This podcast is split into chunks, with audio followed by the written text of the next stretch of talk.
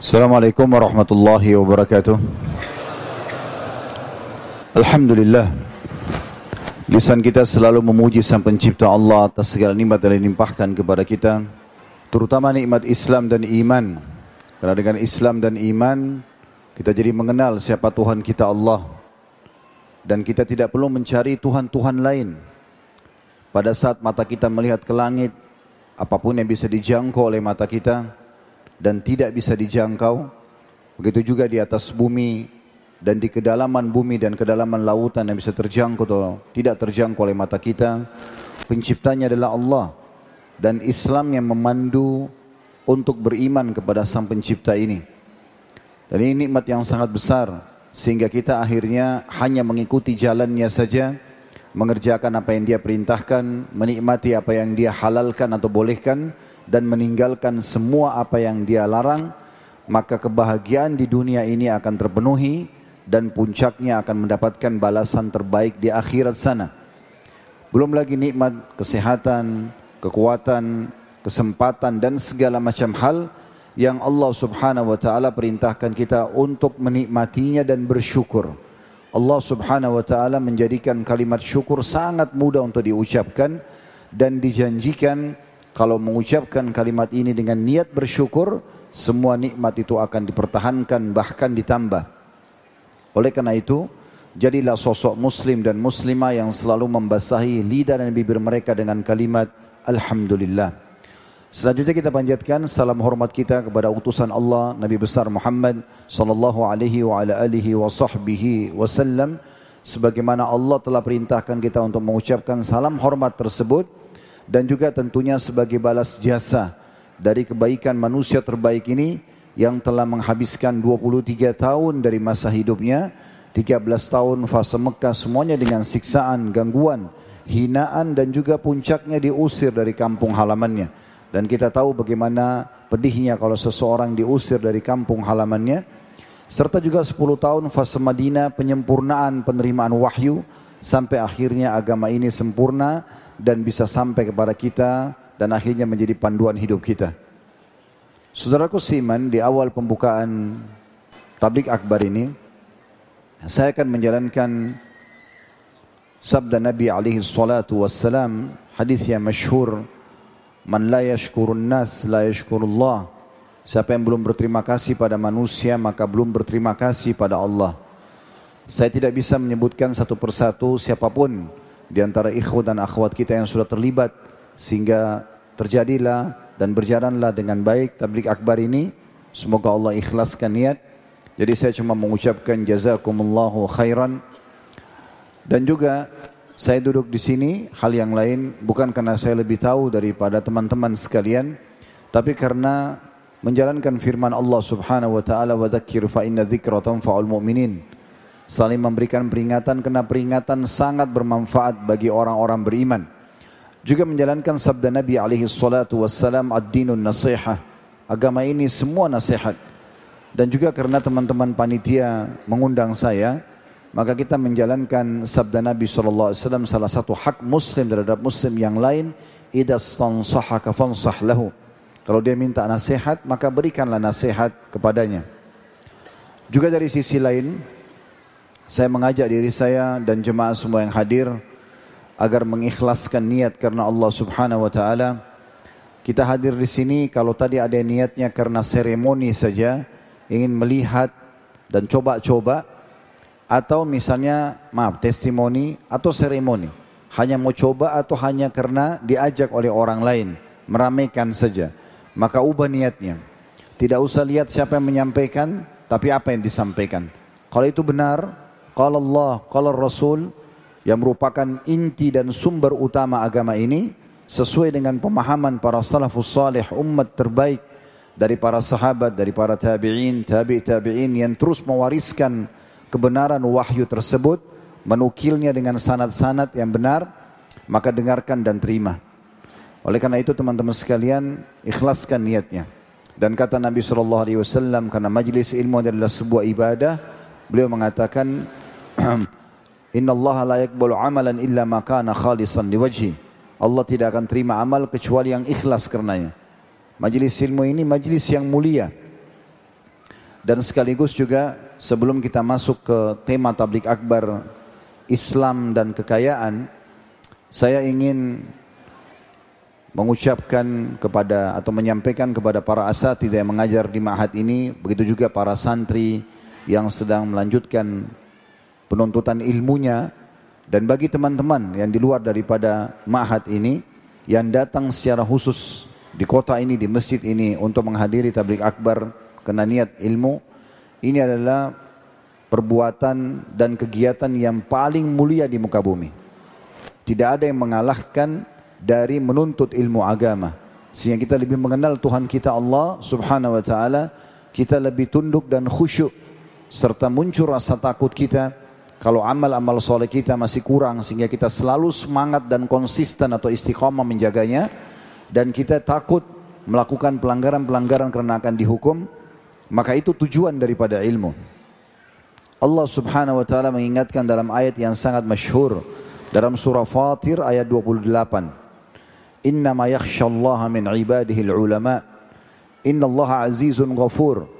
Sesungguhnya yang merasakan kedekatan kepada Allah Subhanahu wa taala, kekhusyuan, rasa takut, rasa cinta kepada Sang Pencipta adalah para ulama. Dan Allah Maha Mulia juga Maha Pengampun. Tidak mungkin kita sampai pada level ulama yang sangat dekat dengan Allah Azza wa Jal, yang sangat takut dengan Allah, khusyuk dengan Allah kecuali kita mulai dengan selalu menghadiri majelis ilmu. Baik itu dengan cara majelis ilmu seperti ini atau formal di kelas. Dari mulai SD atau ibtidaiyah, thanawiyah, aliyah sampai ke kuliah semua itu adalah cara agar kita sampai kepada level ulama. Dan tidak ada orang yang dilahirkan dalam kondisi alim. Semuanya harus melalui proses belajar. Dan dalam Islam tidak ada kata cukup untuk belajar. Abu Yusuf rahimahullah, seorang murid Abu Hanifah, beliau pernah berselisih pendapat dengan salah satu sahabatnya tentang salah satu hukum dalam bab warisan. Kemudian setelah mereka beradu argumen, ternyata Abu Yusuf merasa dirinya ya keliru dan temannya yang benar. Tetapi pada saat itu mereka sudah berpisah. Dan di masa itu tidak ada alat komunikasi kayak kita sekarang. Maka Abu Yusuf terus mencari temannya, di mana temannya itu dia tidak tahu. Sampai akhirnya tiba masa di mana Abu Yusuf akan meninggal dunia dan sudah diranjang kematian. Sudah tinggal menunggu sakaratil maut saja. Maka temannya ini dengar dan datang. Setelah Abu Yusuf lihat di atas ranjang kematian dengan sangat semangat dia tersenyum menyambut temannya tersebut. Dan mengatakan kepada temannya, masih ingat gak? Dulu pernah kita berselisih pendapat dalam salah satu masalah di bab warisan dan setelah kita berpisah saya menemukan argumentasi kamu atau dalil kamu lebih benar maka tolong ajarkan kepada saya di ranjang kematian dia masih minta untuk menuntut ilmu.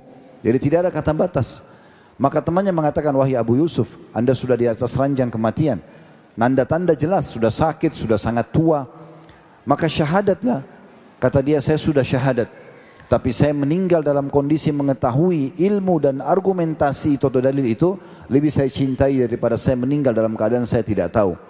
Maka akhirnya Abu Yusuf pun menghafal dalil-dalil yang disampaikan oleh temannya di akhir hidupnya di atas ranjang kematian.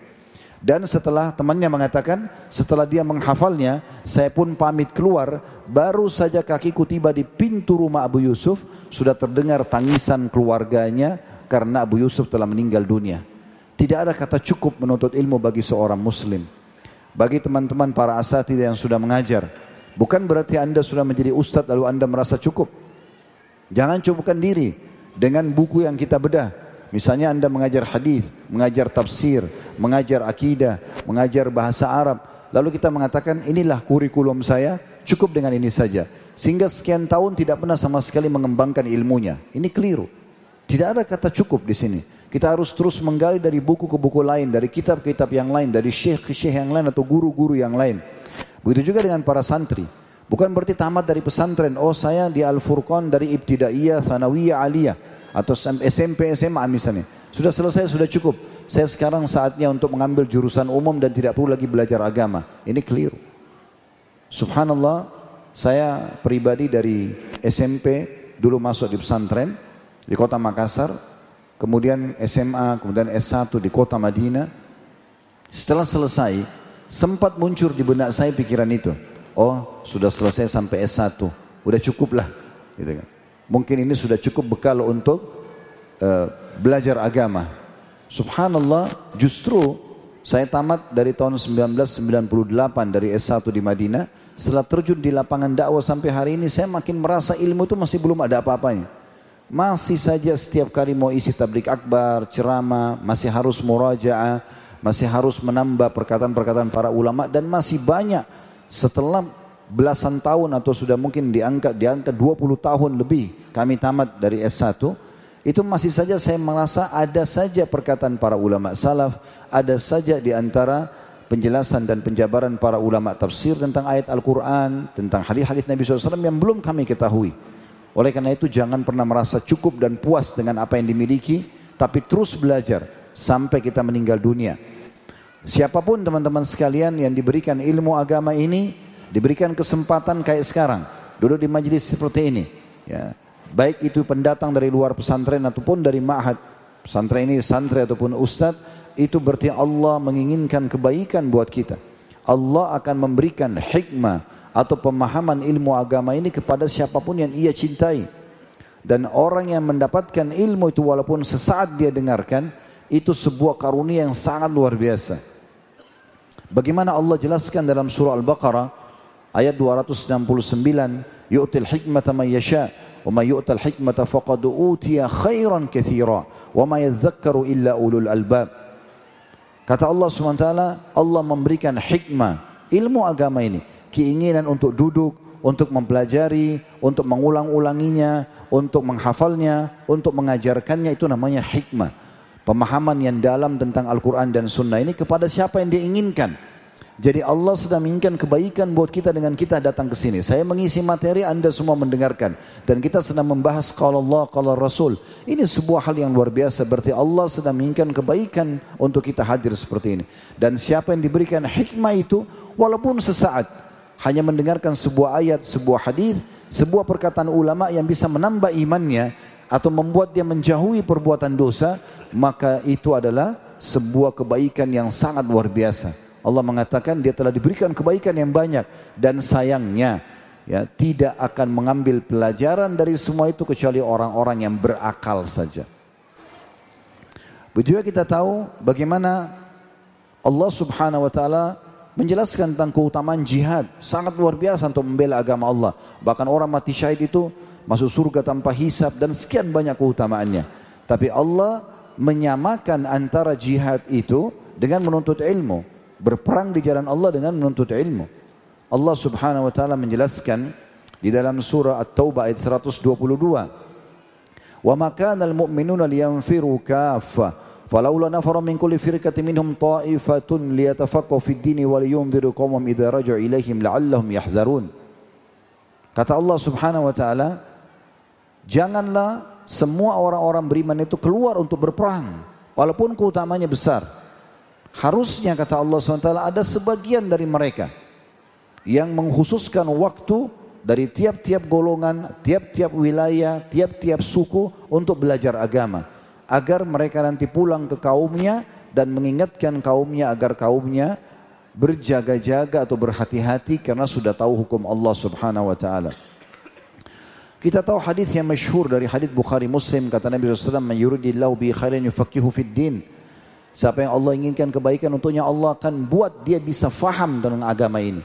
Berarti sekali lagi kalau kita mau tergerak hadir, dengar, ya kemudian mengulang-ulanginya, ya kemudian mengamalkan isinya juga sampai mengajarkannya, maka berarti Allah inginkan kebaikan buat kita. Ini luar biasa pahalanya. Belum lagi hadis Nabi SAW yang masyhur. Hadis ini terus terang yang selalu dua buah hadis ini selalu menjadi motivasi terbesar buat diri saya pribadi untuk tidak pernah jenuh dalam menuntut ilmu, tidak pernah merasa cukup. Yang pertama adalah hadis riwayat Tirmidzi di mana Nabi SAW bersabda fadlul alimi 'ala al-'abidi ka fadli 'ala adnakum. Perumpamaan dan keutamaan orang yang alim, faham ilmu agama, sibuk belajar terus sehingga dia tahu hukum halal haramnya Allah, ya, dia lebih tahu tentang keutamaan satu perbuatan ibadah dan dia tahu tentang ancaman perbuatan dosa sehingga dia sibuk beramal saleh dan dia meninggalkan dosa-dosa, ya. Itu perumpamaan orang alim seperti itu dibandingkan dengan abid seorang ahli yang suka seorang ahli ibadah tapi nggak punya ilmu suka ibadah tapi nggak punya ilmunya. Dia masuk ke masjid kalau azan ya tapi tata cara sholatnya masih salah ya. Dia mau puasa Ramadan tapi banyak yang dia langgar ya dia pergi haji masih tidak mengikuti manasik yang benar misalnya dia seorang abid, suka ibadah tapi nggak punya ilmu. Kata Nabi SAW, perbedaan di antara keduanya, seorang alim sama abid, alim yang punya ilmu agama yang benar dan abid suka ibadah tapi nggak punya ilmu, itu perbedaannya seperti aku, kata Nabi SAW. Nabi kasih perumpamaan diri beliau dengan orang yang terbodoh di antara kalian.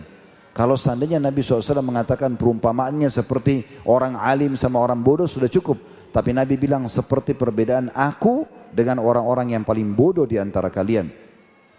Lalu kata beliau, Inna Allah wa malaikatahu wa ahlus samawati wal ard hatta namlata fi juhriha wa hatta al-huta la yusalluna ala muallimin nasil khair.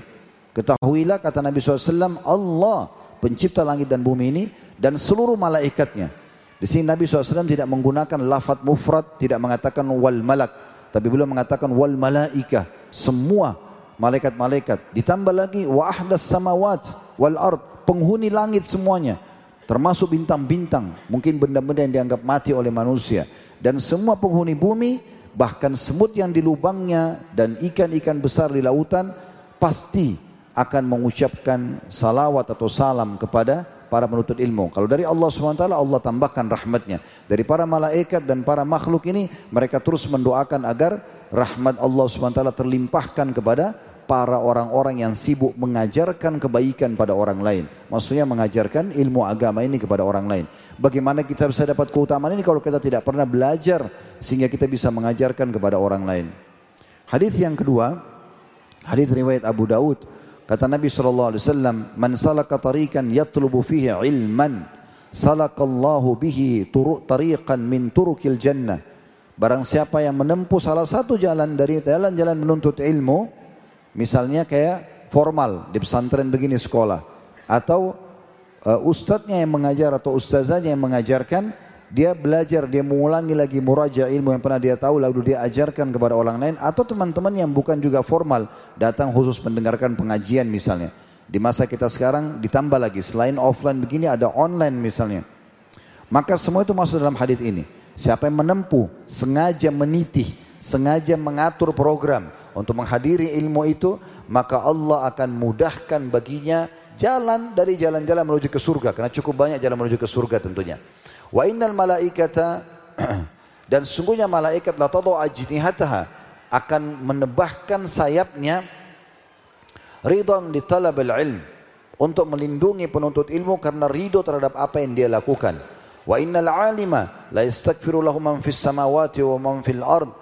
Dan sungguhnya seorang yang alim itu eh, sesungguhnya semua yang di langit dan juga yang di bumi wal hitanu fi jawfil ma dan ikan-ikan besar yang ada di kedalaman lautan atau kedalaman air itu la yastaghfiru lahu memohon ampun untuknya. Wa innal fadla alimi 'ala al-abid ka fadlil qamari lailatul badri 'ala sa'iril kawakib.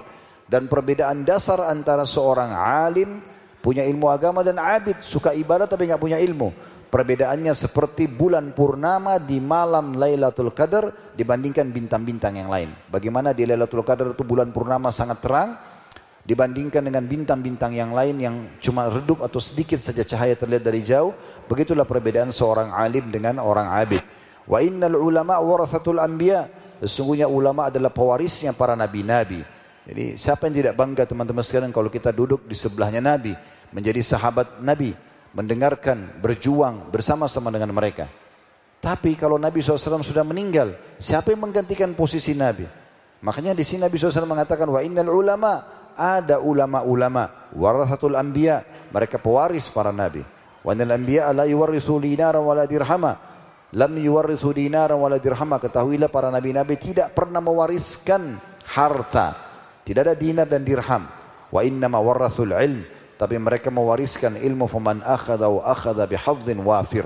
Siapa yang mengambil warisan itu, belajar ilmu agama, maka dia telah mendapatkan kelebihan yang banyak sekali dalam hidupnya. Mohon maaf ini sedikit panjang tadi dalam mukaddimahnya, tapi saya ingin mengajak diri saya kembali dan teman-teman mengingat tentang keutamaan-keutamaan majelis itu dan kita tutup dengan sebuah hadis juga yang dihasankan oleh para ulama. Siapa yang keluar dari rumahnya ikhlas untuk menuntut ilmu datang ke rumah Allah seperti ini maka dia akan mendapatkan pahala haji lengkap. Dan begitu juga dengan banyak keutamaan hadis ya. Banyak sekali keutamaan majelis ilmu seperti Ibnu Qayyim rahimahullah menyebutkan ada 100 keutamaan para penuntut ilmu. Dan itu insya Allah sudah cukup tadi mewakilinya. Baik teman-teman sekalian, sedikit kita konsentrasi ke depan. Kita akan bahas tema tablik akbar kita Islam dan kekayaan. Kenapa saya pilih tema ini?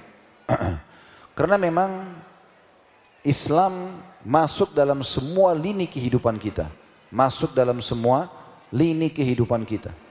Tidak ada yang tidak diatur oleh Islam. Islam ini panduan hidup. Di antaranya ada satu poin yang sangat peka, masalah kekayaan. Pertanyaan pertama dalam tema kita ini teman-teman sekalian, apakah Islam menyuruh kita menjadi orang kaya? Ini butuh untuk dijawab.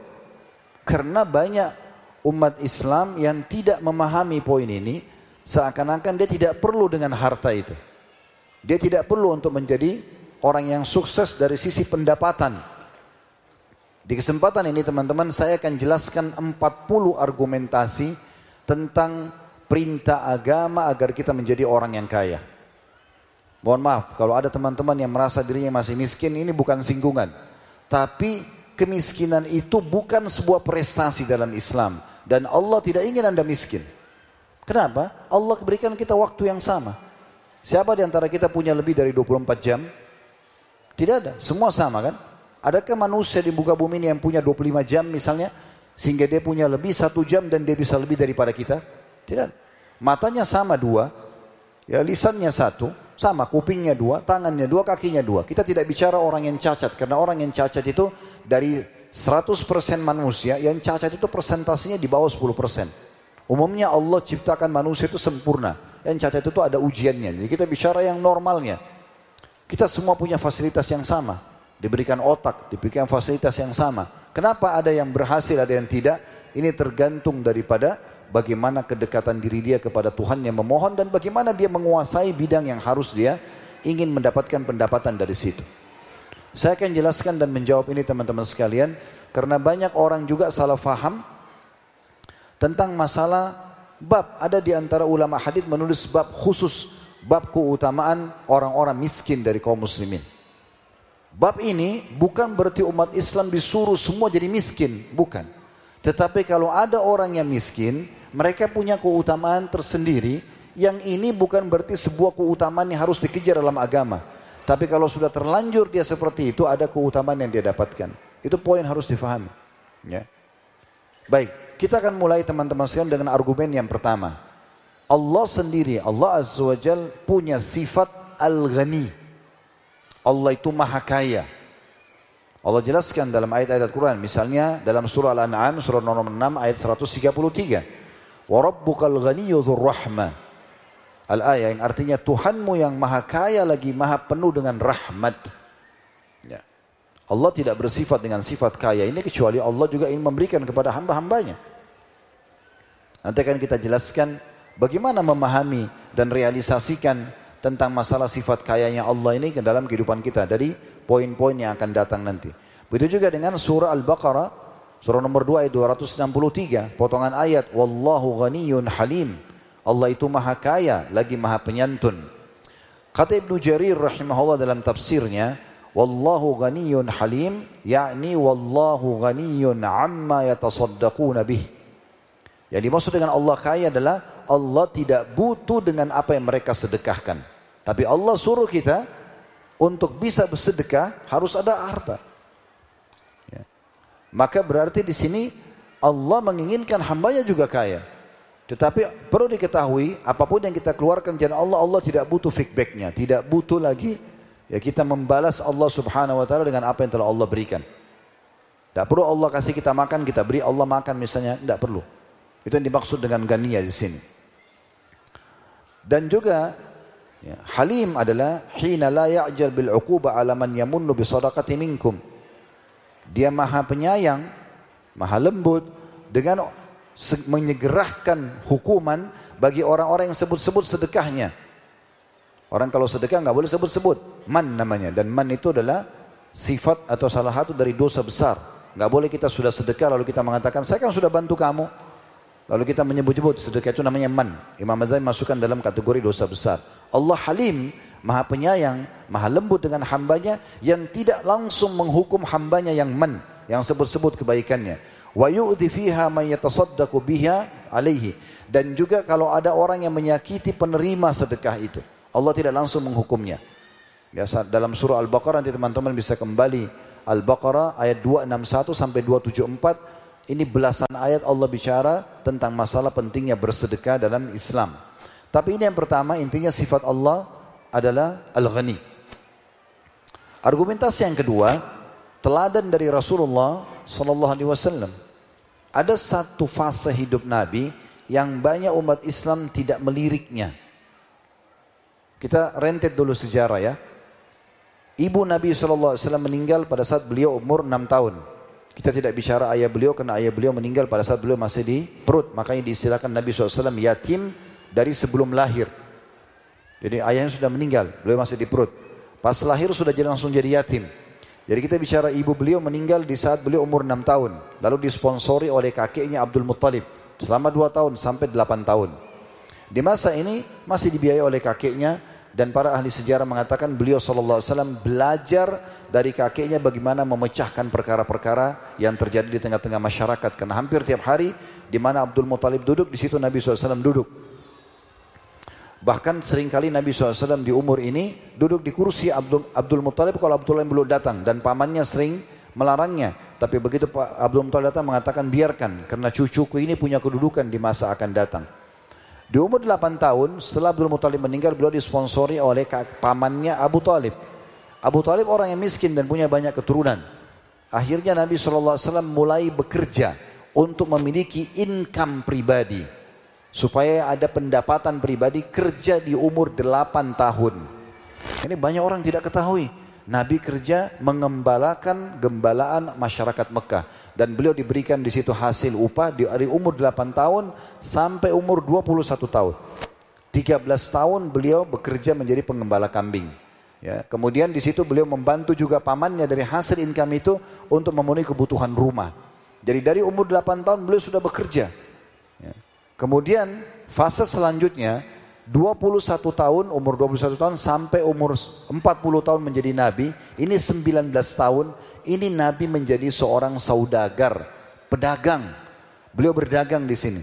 Dari 21 sampai sampai 40 tahun. Ini 19 tahun.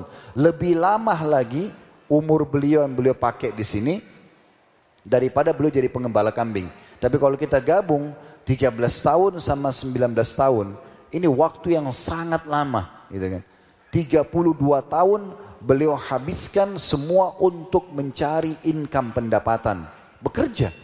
Ya. Karena 13 tahun jadi pengembala kambing, 19 tahun jadi pedagang. Sampai akhirnya karena beliau sangat lihai dalam mengatur investasi yang beliau terima dari amanah masyarakat Mekah dengan cara penduduk Mekah mereka atau pedagang-pedagang Mekah di masa itu mereka selalu mengadakan rihlat syita'i was yang Allah sebutkan dalam Al-Quran Ya, mereka ke negeri Syam di utara Jazirah Arab dan mereka ke Yaman di selatan Jazirah Arab. Ini mereka berdagang nih. Nah tradisi orang-orang Quraisy pada saat itu mereka bawa harta mereka, dinar emas atau dirham perak dalam bentuk cash, mereka bawa ke negeri Syam, lalu mereka beli produk di negeri Syam, lalu mereka jual di Mekah. Itu salah itu tradisi semua pedagang Mekah pada saat itu. Waktu Nabi SAW masuk di alam perdagangan itu di umur 21 tahun, beliau punya metode yang berbeda. Beliau menawarkan orang-orang yang mau investasi, lalu ada orang yang titipin harta. Nabi SAW beli produk dari uang itu semua. Nabi beli produk penduduk Mekah, kemudian beliau bawa ke negeri Syam. Lalu beliau jual di sana produk Mekah itu.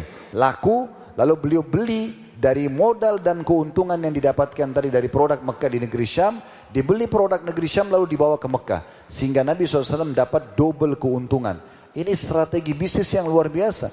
Itu terjadi di masa hidup Nabi SAW. Dan karena inilah sebabnya kenapa Khadijah tertarik wanita terkaya Mekah untuk menikah dengan Nabi SAW. Dan beliau terus saja berdagang sampai umur 40 tahun menjadi nabi. Nah setelah itu beliau sibuk untuk menyampaikan agama ini.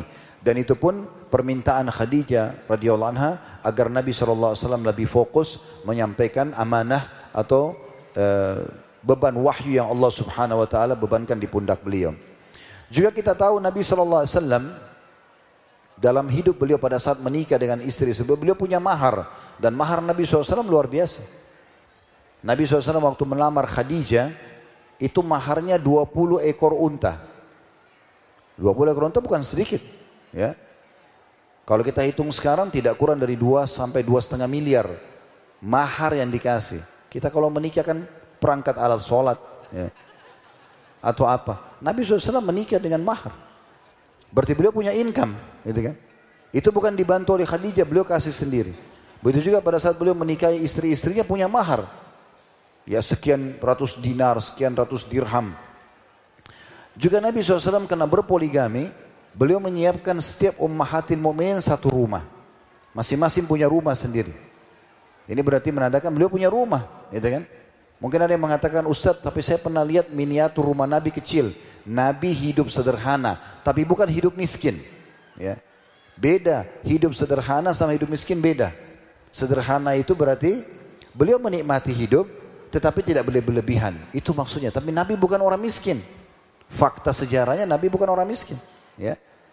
Bahkan setelah pembebasan Khaybar, beliau punya uh, harta rampasan perang atau hampir di setiap peperangan beliau punya hak harta rampasan perang. Dan beliau biayai istri-istri beliau.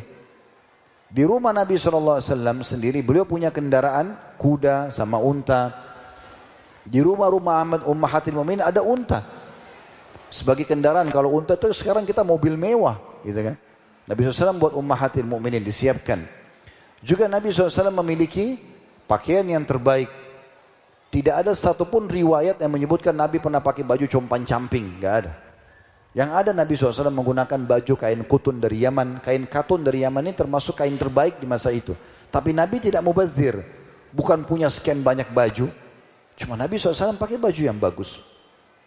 Begitu juga Nabi SAW punya beberapa baju perang, beliau punya beberapa pedang, beliau punya beberapa cepenti, ya, e, busur panah, gitu kan. Dan kuda Nabi SAW kuda terbaik. Sampai hari ini kuda termahal kalau untuk dipakai tanding itu kuda Arab, dibilangkan kuda Arab. Nabi SAW memiliki kuda Arab terbaik di masa hidup beliau. Dan ini harganya cukup mahal kalau di masa kita sekarang, gitu kan. Jadi fakta-fakta ini menjelaskan kepada kita kalau Nabi SAW adalah orang yang mampu. Beliau hidup sederhana iya, tapi bukan hidup miskin. Jangan salah faham. Sehingga akhirnya anda berargumentasi, oh saya hidup miskin ini karena Rasulullah aja miskin. Keliru. Kita bahkan di situ bisa merendahkan Nabi SAW. Jangan. Jangan itu. Kalau keadaan kita sekarang mungkin masih belum mampu, kita masih punya peluang besar Berapa banyak orang yang tahun lalu biasa saja tapi karena dia bekerja keras, dia berusaha, dia menekuni dengan ilmu yang benar lalu Allah bukain pintu rezekinya. Yang ketiga, argumentasinya ini 40, saya ringkaskan karena cukup banyak. Yang ketiga adalah teladan dari para nabi.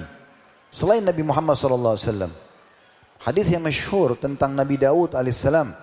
Ya, hadis yang diriwayatkan oleh Bukhari. Kana Daud alaihissalam la ya'kulu illa min amali yadihi. Ketahuilah Nabi Allah Daud tidak pernah makan kecuali dari hasil tangannya sendiri. Bekerja. Punya pendapatan. Dengan itu dia jadi mulia. Juga diriwayatkan dalam hadis yang lain, maka ma'akala ahadun ta'aman qattun khairan min an ya'kulu min amali yadi. Ketahuilah wahai muslimin, Nabi SAW sampaikan umatnya, wahai umatku, seakan-akan Nabi bilang begitu. Ketahuilah tidak ada orang yang memasukkan suapan makanan di mulutnya lebih baik Maksudnya lebih mulia di sisi Allah, lebih besar pahalanya, lebih baik untuk menjaga martabat dan harga diri di depan manusia dibandingkan hasil kerjanya sendiri, hasil tangannya sendiri. Disuruh bergerak. Tidak ada sifat malas bagi seorang muslim. Bahkan Nabi SAW berlindung dari sifat malas itu. Tidak ada kata vakum mengatakan, oh saya tidak tahu. Belajar supaya tahu. Tidak ada kata terlambat. Handphone kita sekarang sudah menjadi perpustakaan berjalan. Kita mau pelajari apa saja bisa. Mau belajar bahasa, mau belajar teknologi atau IT, mau belajar apa saja bisa. Kemudian kata Nabi SAW, wa inna Nabi Allah Daud AS karena yakul min amali yadi dan ketahui Nabi Allah Daud makan dari hasil tangannya. Ini sebagai contoh saja. Ya. Nabi Idris alaihissalam itu ya seorang uh, ya, tukang kayu beliau mahir dengan itu. Ya. Kemudian ada nabi-nabi yang ahli menjahit, ada Nabi Daud yang ahli tadi buat busur panah segala macam. Nabi Sulaiman bahkan minta kerajaan kepada Allah agar diberikan kerajaan tidak layak untuk orang sebelum dan sesudahnya. Raja kaya raya. Nabi Sulaiman minta dan Allah nukil kisahnya. Bukankah itu sebagai ibrah dan pelajaran buat kita? Ya, kan ini penting untuk digaris bawahi. Kemudian argumentasi yang keempat, syahadat dan hubungannya dengan masalah harta. Kita sudah tahu sama-sama teman-teman sekalian tentang surat Taubah, surah nomor 9 ayat 60 penerima zakat. Ada delapan golongan penerima zakat. Salah satunya adalah wal muallafati qulubuhum dan orang-orang yang hatinya masih lemah Hatinya masih lemah. Boleh nggak dalam Islam kalau ada orang kita tawarkan, kalau kamu masuk Islam, saya akan berikan kamu pekerjaan. Boleh nggak seseorang mengatakan, kalau kau masuk Islam, misalnya wanita mengatakan kalau kau masuk Islam, boleh saya jadikan masuk Islammu sebagai mahar saya, nggak usah kasih saya mahar. Boleh dalam Islam. Boleh kita negosiasi agar orang syahadat dengan harta kita. Boleh. Bahkan setelah masuk Islam, kita bisa memberikan dia harta yang banyak supaya dia tidak mengalihkan hati dari Islam ke agama lain. Nabi SAW contohkan itu. Pada saat mendapatkan harta rampasan perang yang sangat banyak di wilayah Hunain. 30 km dari kota Mekah kurang lebih, waktu berperang dengan suku Hawazim di perang Hunain. Setelah Fathi Makkah, maka Nabi SAW dapat harta yang banyak. Dan beliau banyak sekali membagi-bagi harta sampai dikenal hari itu dengan hari seratus ribu. Karena Nabi SAW suka kasih banyak sekali orang yang baru masuk Islam. Abu Sufyan masuk Islam, pimpinan orang Mekah membenci Islam dari awal Islam. Dikasih harta oleh Nabi SAW. Banyak sampai Abu Sufyan susah untuk mengangkatnya karena banyaknya emas yang dikasih. Itu pun Abu Sufyan masih minta untuk anak saya Rasulullah Yazid dikasih, untuk anak saya Muawiyah dikasih. Siapa saja yang baru masuk Islam dikasih sekian banyak. Sampai waktu itu muncul kecemburuan dari orang-orang Ansar di Madinah. Saat Ibnu Ubadah datang mengatakan, Ya Rasulullah, apa yang anda lakukan pada orang-orang yang baru masuk Islam ini membuat kaumku merasa cemburu. Kenapa anda berikan kepada orang ini dan kami ini yang ikut berjuang dari Madinah tidak anda berikan sebanyak itu. Kata Nabi SAW, bagaimana dengan kau hai Sa'ad? Kata Sa'ad, saya bagian dari kaum saya ya Rasulullah. Kata Nabi SAW, kalau gitu kumpulkan kaummu semua. Khusus Ansar saja dari Madinah. Jangan orang-orang lain yang ikut kumpullah. Tadi panjang lebar Nabi SAW bicara sama mereka, tapi di antara Nabi mengatakan, ya kalian mungkin merasa cemburu dengan orang-orang yang aku berikan harta hanya untuk menguatkan hati mereka dalam Islam. Jadi sengaja harta yang banyak itu supaya tidak keluar dari Islam, supaya tidak murtad. Gitu. Dan mereka pulang dengan harta mereka. Bagaimana perasaan kalian sementara orang pulang dengan harta mereka, kalian pulang bersama Rasulullah sallallahu alaihi wasallam. Maka pada saat mendengar kalimat ini semuanya menundukkan kepalanya, menutup matanya dengan imamah, mereka menangis terisak sambil mengatakan, "Kami ridho kepada Allah dan Rasulnya." Ternyata orang-orang pulang dengan harta hanya untuk menenangkan hati mereka. Tapi kalian pulang bawa saya. Rasulullah ikut ke Madinah padahal asli beliau tunduk Mekah. Kami saja Nabi pindah akhirnya tinggal di Mekah karena kota lahirnya sudah direbut kembali. Tapi beliau pulang bersama orang-orang Ansar. Ini sebuah poin yang penting. Jadi kita bisa meraih uh, hati seseorang yang syahadat atau bahkan menawarkan orang syahadat, gitu kan? Dengan pekerjaan misalnya, boleh. Kalau tadi saya bilang mahar misalnya terjadi pada Ummu Sulaim radhiyallahu anha yang beliau punya julukan Gumaisa atau Rumaisa, ya. Dijamin masuk surga, ibunya Anas ibn Malik. Ya. Jadi pada saat jadi uh, Anas ibn Malik, Malik ini ayahnya dia, suaminya Ummu Sulaim yang pertama. Rupanya Malik ini diajak masuk Islam oleh Ummu Sulaim, dia tidak mau. Terus karena dia ribut sama istrinya, dia keluar dari rumah bertemu dengan musuh-musuhnya, dibunuh oleh musuh-musuhnya. Jadi Malik meninggal dalam keadaan kafir. Jadi kalau kita baca Anas ibn Malik, kita cuma mengatakan radhiyallahu anhu. Tidak radhiyallahu anhu, kenapa? Karena ayahnya memang bukan dalam keadaan muslim. Waktu meninggal Malik, Ummu Sulaim menjadi janda, ada sahabat dekatnya Malik namanya Abu Talha. Abu Talha orang kaya, tampan, punya kedudukan. Lalu Abu Talha ini mengatakan, saya mau lamar anda. Dia bilang sama Ummu Sulaim. Maka Ummu Sulaim mengatakan, wahai Abu Talha, orang seperti anda tidak ditolak. Maksudnya tampan, kaya, punya har, apa namanya nama yang harum kedudukan di masyarakat, tidak ditolak. Tapi anda kafir, saya muslimah, nggak bisa. Kalau anda mau masuk Islam, saya jadikan mahar mahar saya syahadat anda itu.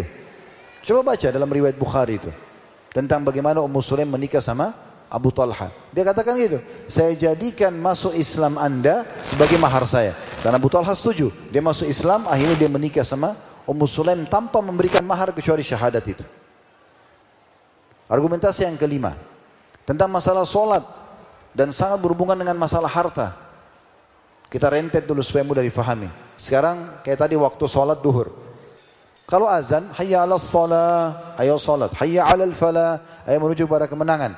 Lalu saya pergi sholat ke masjid. Tergantung kadar keikhlasan saya, saya akan diberikan balasan oleh Allah subhanahu wa ta'ala. Dengan semua keutamaan sholat. Langkah kaki masjid, masuk kanan, kaki kanan dengan masjid, baca doa.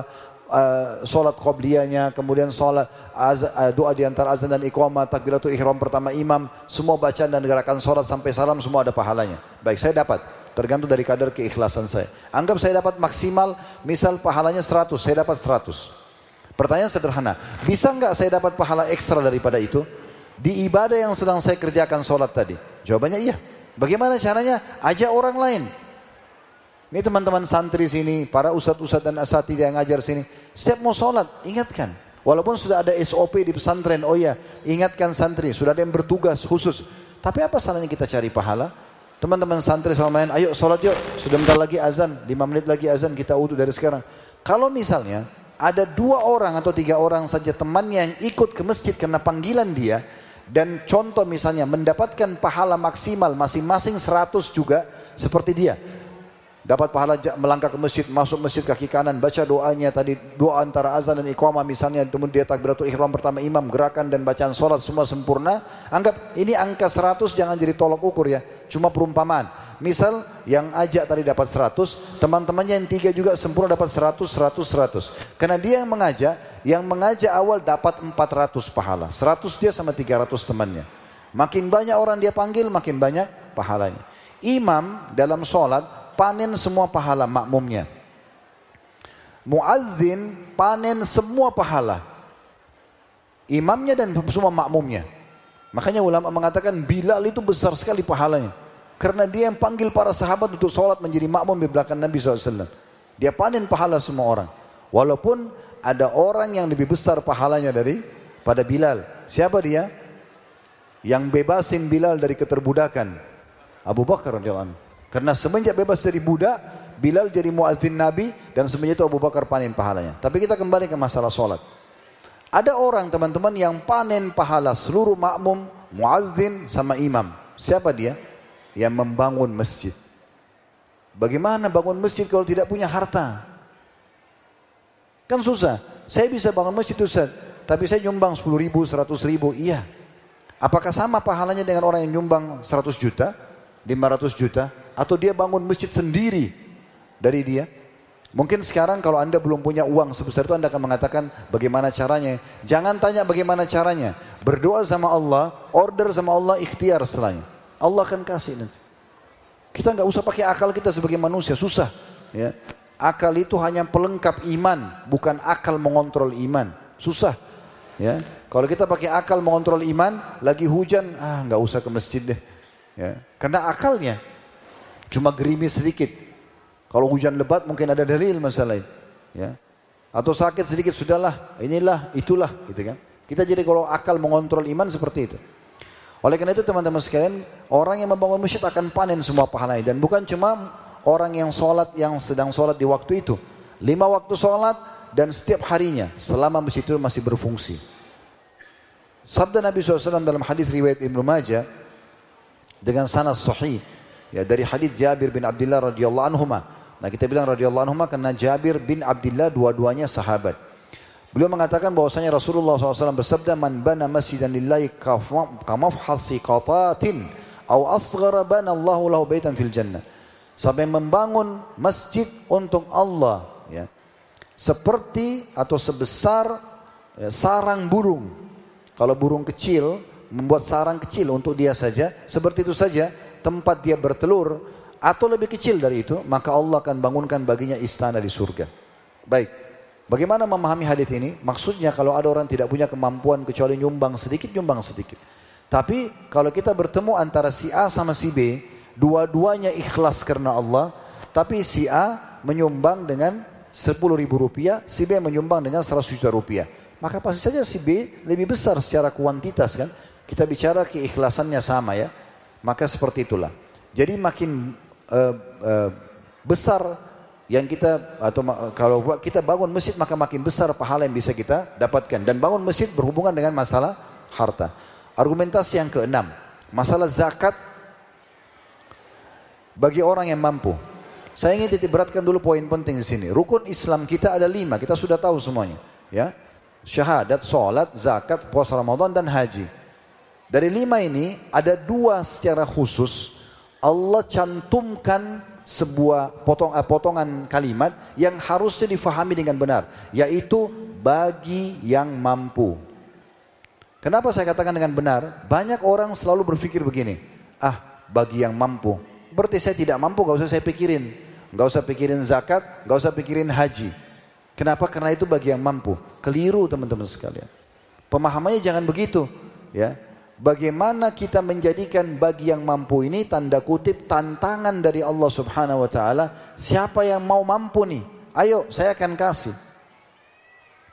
Jadi, kalau hari ini kita sebagai mustahik menerima zakat, maka kita minta kepada Allah Azza wa Jal berusaha ikhtiar mempelajari ilmunya, ya, Kemudian kita ikhtiar mengaplikasikan dalam kehidupan kita supaya kita berubah status dari mustahik menjadi muzakki. Itu harus saya kita pikirkan. Bagaimana sebelum saya meninggal dunia saya bisa haji? Jangan selalu berlindung di kalimat oh tidak mampu. Oh bagi, bagi yang mampu maka saya tidak mampu ndak. Bagaimana supaya saya mampu? Mohon kepada Allah Subhanahu wa taala. Ikhtiar. Sebagaimana Allah berikan kepada hamba-hambanya, yang lain Allah juga akan berikan kepada Anda. Tinggal bagaimana kita order minta kepada Allah Subhanahu wa taala. Dan Allah sebutkan tentang zakat perintahnya cukup banyak ya. Di antaranya Al-Baqarah ayat 43 wa aqimus salata wa atuz zakata warka'u raki'in. Dirikan salat, tunaikan zakat dan rukuklah bersama orang-orang yang rukuk. Begitu juga kita tahu di akhir Ramadan, setelah Ramadan di Idul Fitri kita ada zakatul fitr dan itu dikeluarkan ya dari semua muslim yang budak ataupun yang bebas dari keterbudakan laki-laki atau perempuan dari kalangan muslimin. Nabi SAW mewajibkannya. Sebagaimana hadis Ibnu Umar radhiyallahu anhu bahwasanya Rasul farada Rasulullah SAW zakat al-fitr min Ramadan 'ala nasi sa'an min tamrin aw sa'an min sya'irin ala kulli hurrin aw 'abdin dzakarin aw untha minal muslimin. Rasulullah SAW mewajibkan zakat fitrah di bulan Ramadan atas setiap orang muslim, baik dia itu merdeka, hamba sahaya, laki-laki ataupun perempuan, yaitu satu sa atau satu kurma atau satu sa gandum. Jadi satu genggam kurang lebih ya. Itu hadis riwayat Imam Muslim. Intinya zakat sebenarnya yang ada kata-kata bagi yang mampu itu bisa didapatkan dengan cara kita mempelajari ilmu kita doa kepada Allah kita pelajari ilmunya kita akan coba menjadi status ya orang yang memberikan atau muzaki memberikan zakat itu. Yang ketujuh, Ramadan dengan harta. Kita tahu puasa Ramadan wajib. Nah mirip tadi dengan contohnya sholat ya. Sekarang datang Ramadan. Saya puasa 30 hari, lengkap semua. Baik, sesuai kadar keikhlasan. Anggap saya maksimal ikhlas saya dapat 100 pahala misalnya. Setiap harinya. Kali 3, 30 hari, misalnya 3000 pahala saya dapatkan. Pertanyaan sederhana, bisa enggak saya dapat pahala di dengan hari-hari yang sama dengan puasa yang saya kerjakan ini pahala ekstra banyak? Bisa. Bagaimana caranya? Buka puasain orang. Buka puasain orang dengan harta bukan? Dengan harta. Tapi kan Ustaz saya bisa bantu orang di masjid. Iya, berapa banyak Anda bisa bantu? Kalau Anda berargumentasi mengatakan saya bisa bantu orang di masjid ikut-ikut bagian kurma saya juga dapat pahalanya. Iya, tapi cuma lingkup di situ. Kalau orang punya harta, dia bisa transfer uangnya ke Saudi, ikut iftarkan orang di Mekah sama di Madinah. Kalau Ramadan biasa saya buatin program jemaah kami begitu. Sampai mau iftarkan orang di Mekah atau di Madinah, mereka bisa ikut donasi di yayasan kami. Kemudian kita buka puasakan orang di sana. Dengan harta bisa. Kalau orang yang tidak punya kemampuan harta, dia cuma bisa bantu di masjid dekat rumahnya. Gak mungkin dia berangkat, orang berangkat juga umroh sama haji butuh uang. Itulah yang kata Nabi SAW dalam hadis riwayat Tirmidzi, Ibnu Majah, ya, hadis yang masyhur riwayat Imam Ahmad dan hadis ini sanadnya sahih. Man fattara sa'iman, siapa yang buka puasa kan orang yang puasa, karena lahu mithlu ajri ghaira annahu la yanqusu min ajri sa'imin syai'a, maka dia akan dapat pahala orang yang dia buka puasakan tanpa dikurangi dari sedikit pun dari pahala orang yang dibuka puasakan tersebut. Jadi dengan harta kita bisa lebih banyak dapat pahala dengan Ramadan. Ya. Bisa ditangkap pesannya ya? Iya. Yang kedelapan, haji bagi yang mampu. Nah ini mirip penjelasannya tadi dengan zakat. Jadi jangan selalu bersembunyi di kalimat tanda kutip bagi yang mampu. Oh saya tidak mampu, gak usah saya pikirin haji. Subhanallah. Allah melahirkan kita semua dalam kondisi sama. Waktunya sama, fasilitasnya sama. Kenapa ada yang mampu kita tidak mampu? Minta kepada Allah subhanahu wa ta'ala. Mohon. Pernah dengar nama Sa'ad ibn Ubadah radhiyallahu anhu ya? Sahabat Nabi yang mulia ini mengkhususkan doanya. Ini ada dalam materi kami di playlist YouTube. Khalid Basal Official, serial Sahabat Tablik Akbar. Ini um, bahasan tentang beliau. Beliau menjadikan, salah satu potongan beliau menjadikan doanya, Ya Allah, karuniakanlah aku harta yang melimpah, yang dengannya aku bisa dekatkan diri kepadamu. Dan akhirnya Allah betul-betul berikan harta saat yang melimpah luar biasa. Ya. Pada saat hidup, pada saat hidup, pada saat juga sudah meninggal. Ya. Jadi jangan terkurung dengan bahasa bagi yang mampu antum tunggangi atau anda tunggangi oh saya tidak mampu ya sudah. Tapi jadikan tanda kutip sebagai tantangan. Ya Allah sebagaimana engkau berikan bagi yang mampu pahala haji pahala zakat jadikan aku mampu. Nah minta sama Allah begitu. Terus pelajari ilmunya. Bagaimana supaya bisa mendatangkan income itu dan haji ini banyak sekali keutamaannya, banyak sekali keutamaannya. Mungkin kalau kita ingin rincikan luar biasa banyaknya. Tapi di dalam surah Al-Imran ayat 97 Allah perintahkan, "Walillahi 'alan nas hijul baiti man ilaihi sabila." Dan bagi manusia ya, kewajiban terhadap Allah melaksanakan ibadah haji ke Baitullah, yaitu bagi orang yang mampu mengadakan perjalanan ke sana. Wa man kafara fa innallaha ghaniyun 'alamin dan siapa yang mengkufuri perintah haji itu, kewajiban haji maka sungguhnya Allah Maha Kaya atas seluruh alam semesta ini. Ya, jadi ada perintah untuk haji. Haji ini teman-teman kata Nabi SAW, wal haji mabrur laisa lahu illa jannah. Haji yang mabrur mengikuti syarat dan rukun, ya tidak ada pelanggaran, tidak ada balasannya kecuali di surga. Bagaimana orang bisa haji tanpa uang? Enggak mungkin.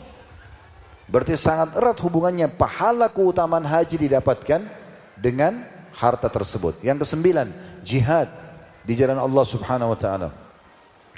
Ada dari 28 kali terulang kalimat jihad dalam Al-Quran, ada 8 kali ya dari potongan ayat jihad Allah mulai dengan bi amwalikum wa anfusikum. Jadi kalau Allah sudah sebutkan jihad, Allah sebutkan bi amwalikum wa anfusikum, berperang dengan harta dan jiwa kalian. Harta dan jiwa kalian. Nah, Allah SWT ulang-ulangi. Berarti yang paling afdal kata ulama adalah berperang dengan keduanya. Dia sudah menyumbang dengan harta, dia juga ikut berperang dengan fisiknya gitu. Nah itu penting untuk digarisbawahi. Ini salah satu potongan ayat dalam surah An-Nisa ayat 95 Allah berfirman. Surah nomor 4 ayat 95. La yastawil qa'iduna minal mu'minina ghairu ulid darari wal mujahiduna fi sabilillah bi amwalihim wa anfusihim. فضل الله المجاهدين بأموالهم وأنفسهم على القائدين درجة وكلا وعد الله الحسنى وفضل الله المجاهدين على القائدين أجرا عظيما tidak sama orang-orang mukmin yang duduk atau tidak ikut berperang tanpa mempunyai udur dengan orang-orang yang berjihad jalan Allah dengan harta dan jiwa mereka. Jadi bukan cuma dengan jiwa, tapi dengan harta di sini. Allah melebihkan derajat yang sangat tinggi orang-orang yang berjihad dengan harta dan jiwa mereka dari atas atau atas orang-orang yang duduk tidak ikut berperang tanpa udur kepada masing-masing Allah menjanjikan pahala yang terbaik atau surga tapi Allah melebihkan orang-orang yang berjihad atas orang-orang yang duduk dengan pahala yang sangat besar. Ya. Dan juga praktek Nabi SAW. Nabi SAW itu kalau mau berperang selalu kumpulin dulu sahabat. Ayo kumpulin harta kalian kita mau berjihad. Beliau kumpulin harta dulu di masjid beliau. Sudah cukup untuk membayar pasukan perang. Baru beliau bentuk pasukan untuk berangkat. Selalu. Coba baca dalam peperangan-peperangan Nabi SAW. Cukup banyak peperangan Nabi kan dari perang Badar, perang Uhud, kemudian perang eh, Khandak atau perang Ahzab, ya Bani Mustaliq, ya perang Khaybar, kemudian Fathi Makkah, Hunain, semua perang Tabuk, Ini semuanya peperangan dan masih banyak peperangan-peperangan yang Nabi SAW lakukan. Belum lagi Sariyah, pasukan-pasukan kecil yang Nabi utus. ya Belum lagi uh, Ma'araka. Kalau peperangan yang Nabi hadir disilakan bahasa Arabnya Gazwa. Kalau yang Nabi tidak hadir namanya Ma'araka. Ya. Seperti contoh misalnya Mu'ta. Ya, perang Mu'ta dikenal dengan Ma'araka Mu'ta. Bukan Gazwa karena Nabi tidak hadir. 3.000 pasukan muslimin melawan 250.000 pasukan Romawi ya, yang bergabung dengan beberapa orang Arab yang memang belum masuk Islam pada saat itu. Tapi yang jelas teman-teman sekalian, kita lihat di sini memang harta itu diperlukan. Dan kita mungkin tidak asing lagi dengan kejadian Uthman bin Affan. Di perang Tabuk, Nabi SAW mengatakan begini, siapa yang mau menyumbang tunggangan buat kami, karena banyak sekali umat Islam. Di perang Tabuk itu peperangan terakhir Nabi SAW. Pertama kali pasukan Islam terkumpul 30 ribu pasukan. 30 ribu personil. Belum pernah sebelumnya sebanyak itu. Maka Nabi butuh tunggangan-tunggangan. Unta, kuda yang dipakai untuk berperang para mujahidin. Perjalanan dari Madinah ke Tabuk cukup jauh. Maka Nabi SAW bilang, siapa yang mau nyumbang tunggangan perang? Utsman dengar. Utsman mengatakan, saya ya Rasulullah, 100 ekor kuda, lengkap semuanya kuda, pelananya, baju perangnya, pedangnya, anak panahnya, busurnya, sama bekal makanannya. Seorang mujahid tinggal naik di kuda, ikut perang. Pulang pergi saya tanggung, 100 ekor kuda. Bagaimana caranya orang nanggung begini kalau tidak punya harta? Ternyata Nabi SAW bilang, bagus hai Uthman apa yang kau lakukan. Nabi bilang lagi, ada yang mau nyumbang lagi tidak? Uthman heran, oh berarti Nabi masih perlu. Saya nyumbang lagi ya Rasulullah, 100 ekor kuda, lengkap semuanya. Satu paket pulang pergi mujahid. Gitu. Maka Nabi SAW mengatakan, bagus hai Uthman. Ada lagi yang mau nyumbang? Ternyata masih lagi. Nah, Uthman bilang lagi, ya Rasulullah, saya nyumbang lagi 100 ekor kuda. 300, 400, 500, sampai 900 ekor kuda. Ya, satu ekor kuda perang ini mungkin seperti mobil Alphard sekarang itu. Mahal banget tuh. Lengkap lagi sama semua perlengkapan perangnya. Dia cuma pakai baju di badan, pakai baju baju perang, pakai pedang, perangkatnya semua sudah disiapin. Sudah 900 Nabi bilang, bagus hai Uthman. Ada lagi yang mau nyumbang? Uthman heran, 900 masih butuh. Maka Uthman mengatakannya Rasulullah, di kandang saya tersisa 90 ekor kuda. Saya akan tambah dengan 10 ekor unta. Genaplah seribu. Setelah itu Nabi SAW tutup donasi. Gak ada lagi, sudah cukup. Seribu ekor. Nah ini hati-hati biasa gitu ya. Kalau ada sumbang pesantren minta sumbangan, mesti minta sumbangan. Jangan tunggu donasi sudah tutup baru antum nyesal. Mumpung belum tutup nyumbang. Nah, gitu. Jadi sudah tutup, tidak ada lagi kendaraan. Terus Nabi SAW lihat mujahid begitu banyak, mereka butuh air. Setelah itu Nabi SAW bilang, curu cek, cek semua sumur di Madinah. Rata-rata kering semuanya. Ada satu sumur milik orang Yahudi yang masih banyak airnya. Nabi SAW suruh sahabat negosiasi. Gak mau dia. Gak mau kasih. Mau dijual.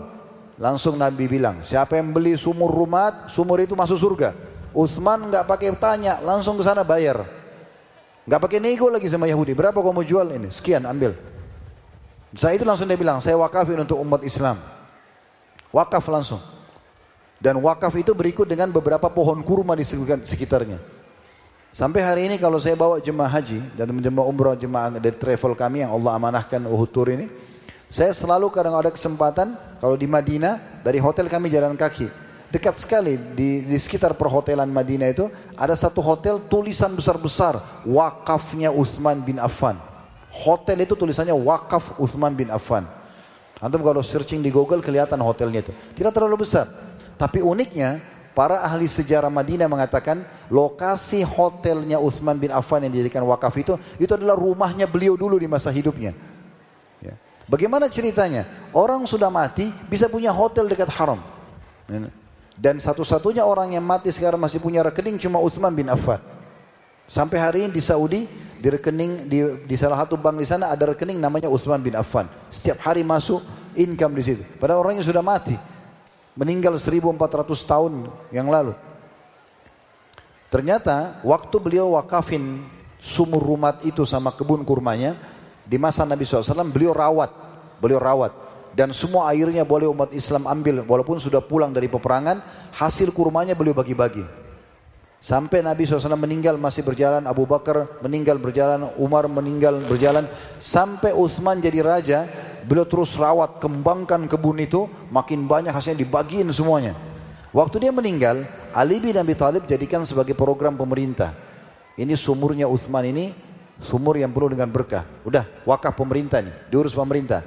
Datang dinasti Umayyah dalam Islam tahun 40 sampai 132 Hijriah dijadikan itu juga jadi program pemerintah semua khalifah pada saat itu Umayyah. Datang Abbasiyah tahun 4, eh, 132 sampai 656 Hijriah jadi wakaf jadi program pemerintah. Tidak ada satupun khalifah yang tidak mengurus sumurnya Uthman. Kuasa Allah karena dia ikhlas Allah kasih keberkahan. Datang Uthmaniyah juga sama. Datang sekarang pemerintah Saudi masih sama.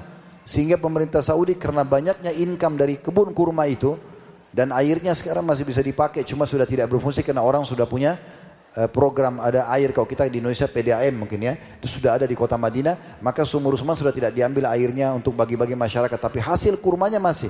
Ada yang dibagi ada yang dijual. Nah hasil penjualannya dimbukakan rekening khusus Lalu salah satu hasilnya diberikan tanah dekat Masjid Nabawi tadi dibangunkan hotel dan hasil hotel itu dipakai lagi kembali ke rekening dia. Dia luar biasa harta. Ya. Allah Subhanahu wa taala menukil kepada kisah kisah Uthman bin Affan dan kisah beberapa sahabat Nabi yang kaya raya nanti di penutupan materi insyaallah ada beberapa nama yang akan kita sebutkan supaya kita belajar dari situ. Yang ke-10, ilmu dan harta. Apakah ada hubungannya antara ilmu dan harta? Ya, sangat erat. Sangat erat. Ya. Di antaranya kalau pernah dengar ada gurunya Imam Malik, salah satu guru Imam Malik namanya Rabi Ar-Ra'i. Rahimahumullah. Ini guru utamanya Imam Malik. Imam Madhab, Imam Madhab Imam Malik, gurunya Imam Syafi'i. Gurunya dia yang paling utama itu adalah Rabi Ar-Ra'i. Siapa Rabi Ar-Ra'i ini? Kisahnya saya ringkaskan karena cukup panjang. Ayahnya dia seorang mujahid suka pergi berperang. Dan masa dulu orang tidak ada handphone bisa komunikasi sama keluarga. Dia orang dulu kalau keluar udah dianggap meninggal udah. Kalau dia masih kembali ya sudah berarti masih ada umurnya, gitu kan? Orang nggak tahu. Maka ayahnya pergi berperang, dia pernah pulang sekali, dia bawa sedikit harta buat keluarganya. Kemudian dia pergi. Bukan sedikit sebenarnya banyak. Dia bawa sekitar 30 ribu dinar. Banyak sekali itu. Ya. Kalau saya pernah hitung seribu, seribu dinar saja itu, itu sekitar dua setengah miliar. Seribu dinar emas itu sama dengan dua setengah miliar. Seribu ya, ini tiga puluh ribu. Berarti dua setengah miliar itu dikali tiga puluh. Ya. Kalau kali sepuluh saja dua puluh lima M. Ya. Kalau kali tiga puluh, tujuh puluh lima M. Uang sekarang. Ini ayahnya Pergi perang, dapat hantaran pesan perang, dibawa pulang. Dia kasih istrinya. 30 ribu dinar. Dia pergi perang lagi. Istrinya kebetulan waktu itu lagi hamil besar. Sementara dia di medan perang, lahirlah anak laki-laki. Dikasih nama Rabi'ah ini. Tokoh kita yang sedang kita bicarakan. Satu waktu setelah Rabi'ah tumbuh besar, menjadi ulama besar, ayahnya pulang dari perang. Sudah sekian tahun ini, belasan tahun tidak pulang-pulang, datang habis itu. Atau bukan sudah puluhan tahun tidak pulang. Dia datang. Ketemu istrinya. Setelah melampiaskan rindu segala macam. Lalu kebetulan dia belum bertemu sama Rabi anaknya. Dia belum ketemu. Dia tiba di rumah pas ya waktu uh, Rabi lagi tidak ada. Kemudian dia bilang sama istrinya setelah ngobrol segala macam. E, di mana uang yang dulu saya pernah titipkan? Wajar seorang suami titipkan sampai puluhan miliar. Saya tanya istrinya, di mana uang itu? Gitu. Kata istrinya, dia diam lalu dia mengatakan, nanti insya Allah selepas engkau sholat maghrib, sholat isya di masjid, baru kita bicarakan. Pergilah azan maghrib, pergilah sang ayah ini ke masjid.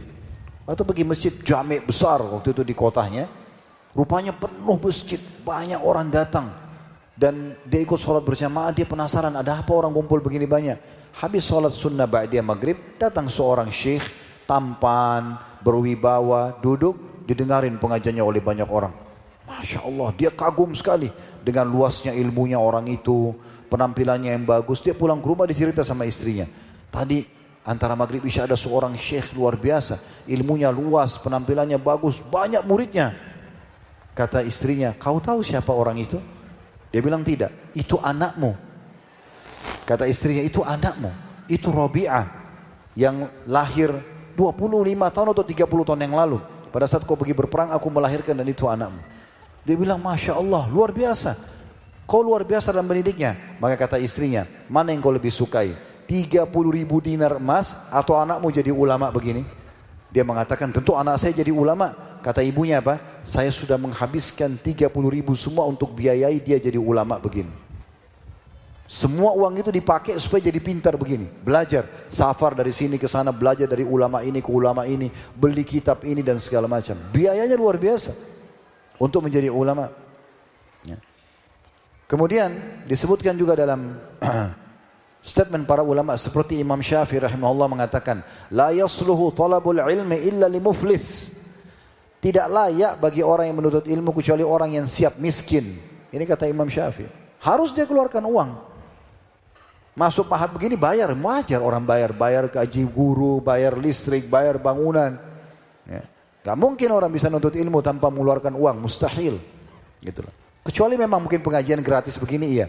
Tapi kan tidak bisa intens ya. Kalau formal sekolah kan satu hari bisa 4-5 materi, 4-5 kitab yang dibedah. ya terus tinggal di pesantren, dikasih makan, mungkin ada pendidikan ekstra habis asar, olahraganya, mungkin maghrib ada muraja Al-Qur'annya, mungkin mungkin segala macam. Itu aja. Imam Malik ya, berkata, "La yablughu ahadun min hadzal ilm ma yuridu an yadribahu al-faqru wa yu'thirahu ala kulli syai." Seorang tidak bisa mencapai tingkat tertinggi dari ilmu agama ini ya, sesuai yang dia harapkan sampai dia siap untuk menjadi fakir dan bahkan dia menggunakan semua apa yang dia miliki untuk menuntut ilmu itu. Jadi safar datang ke majelis ilmu sana, tablik akbar ini itu memang cara begitu menuntut ilmu. Harus berkorban bensin, berkorban parkir, berkorban segala macam memang. Mungkin ada yang berkorban tiket pesawat datang ke sini mungkin. Gitu kan. Memang sudah begitu. Dan Ibnul Qasim pernah berkata, ini tentu disebut kalau tadi yang perkataan Imam Syafi'i dari Jami' Jami' li akhlaqir rawi dijadi satu halaman 104 dan kalau tadi perkataan Imam Malik rahimahullah yang tidak bisa mencapai tingkat tertinggi ilmu ini ya, yang dia harapkan sampai dia siap jadi fakir dan akan mengorbankan apa pun diambil dari kitab Al-Majmu' Majmu' Fatawa Ibnu Taimiyah jadi satu halaman 35 dan juga ada perkataan Ibnul Qasim Diambil dari buku Tartibul Madarik jadi satu halaman 131. Perkataan beliau mengatakan afdha bimalikin talabul ilmi ila an naqada saqfa baitihi. Imam Malik itu ya pada saat mencari ilmu dia sampai membongkar atap rumahnya faba'a khashabahu. Kemudian dia jual kayunya atap rumahnya untuk membiayai dirinya supaya bisa belajar ilmu. Thumma malat alaihi dunya dan setelah itu barulah dunia datang kepadanya. Jadi nuntut ilmu butuh uang. Memang begitu. Kalau kita cuma bisa pinjam kitabnya orang lain karena tidak punya uang, orang lain yang beli kitab, yang kita pinjam dapat pahalanya. Dia bisa beli kitab banyak, dia bisa baca. Atau sekarang aplikasi, beda dengan orang yang cuma pinjam laptop temannya, dengan dia sendiri bayar aplikasi itu. Kan begitu. Dan seterusnya. Yang ke sebelas, rahim dan harta.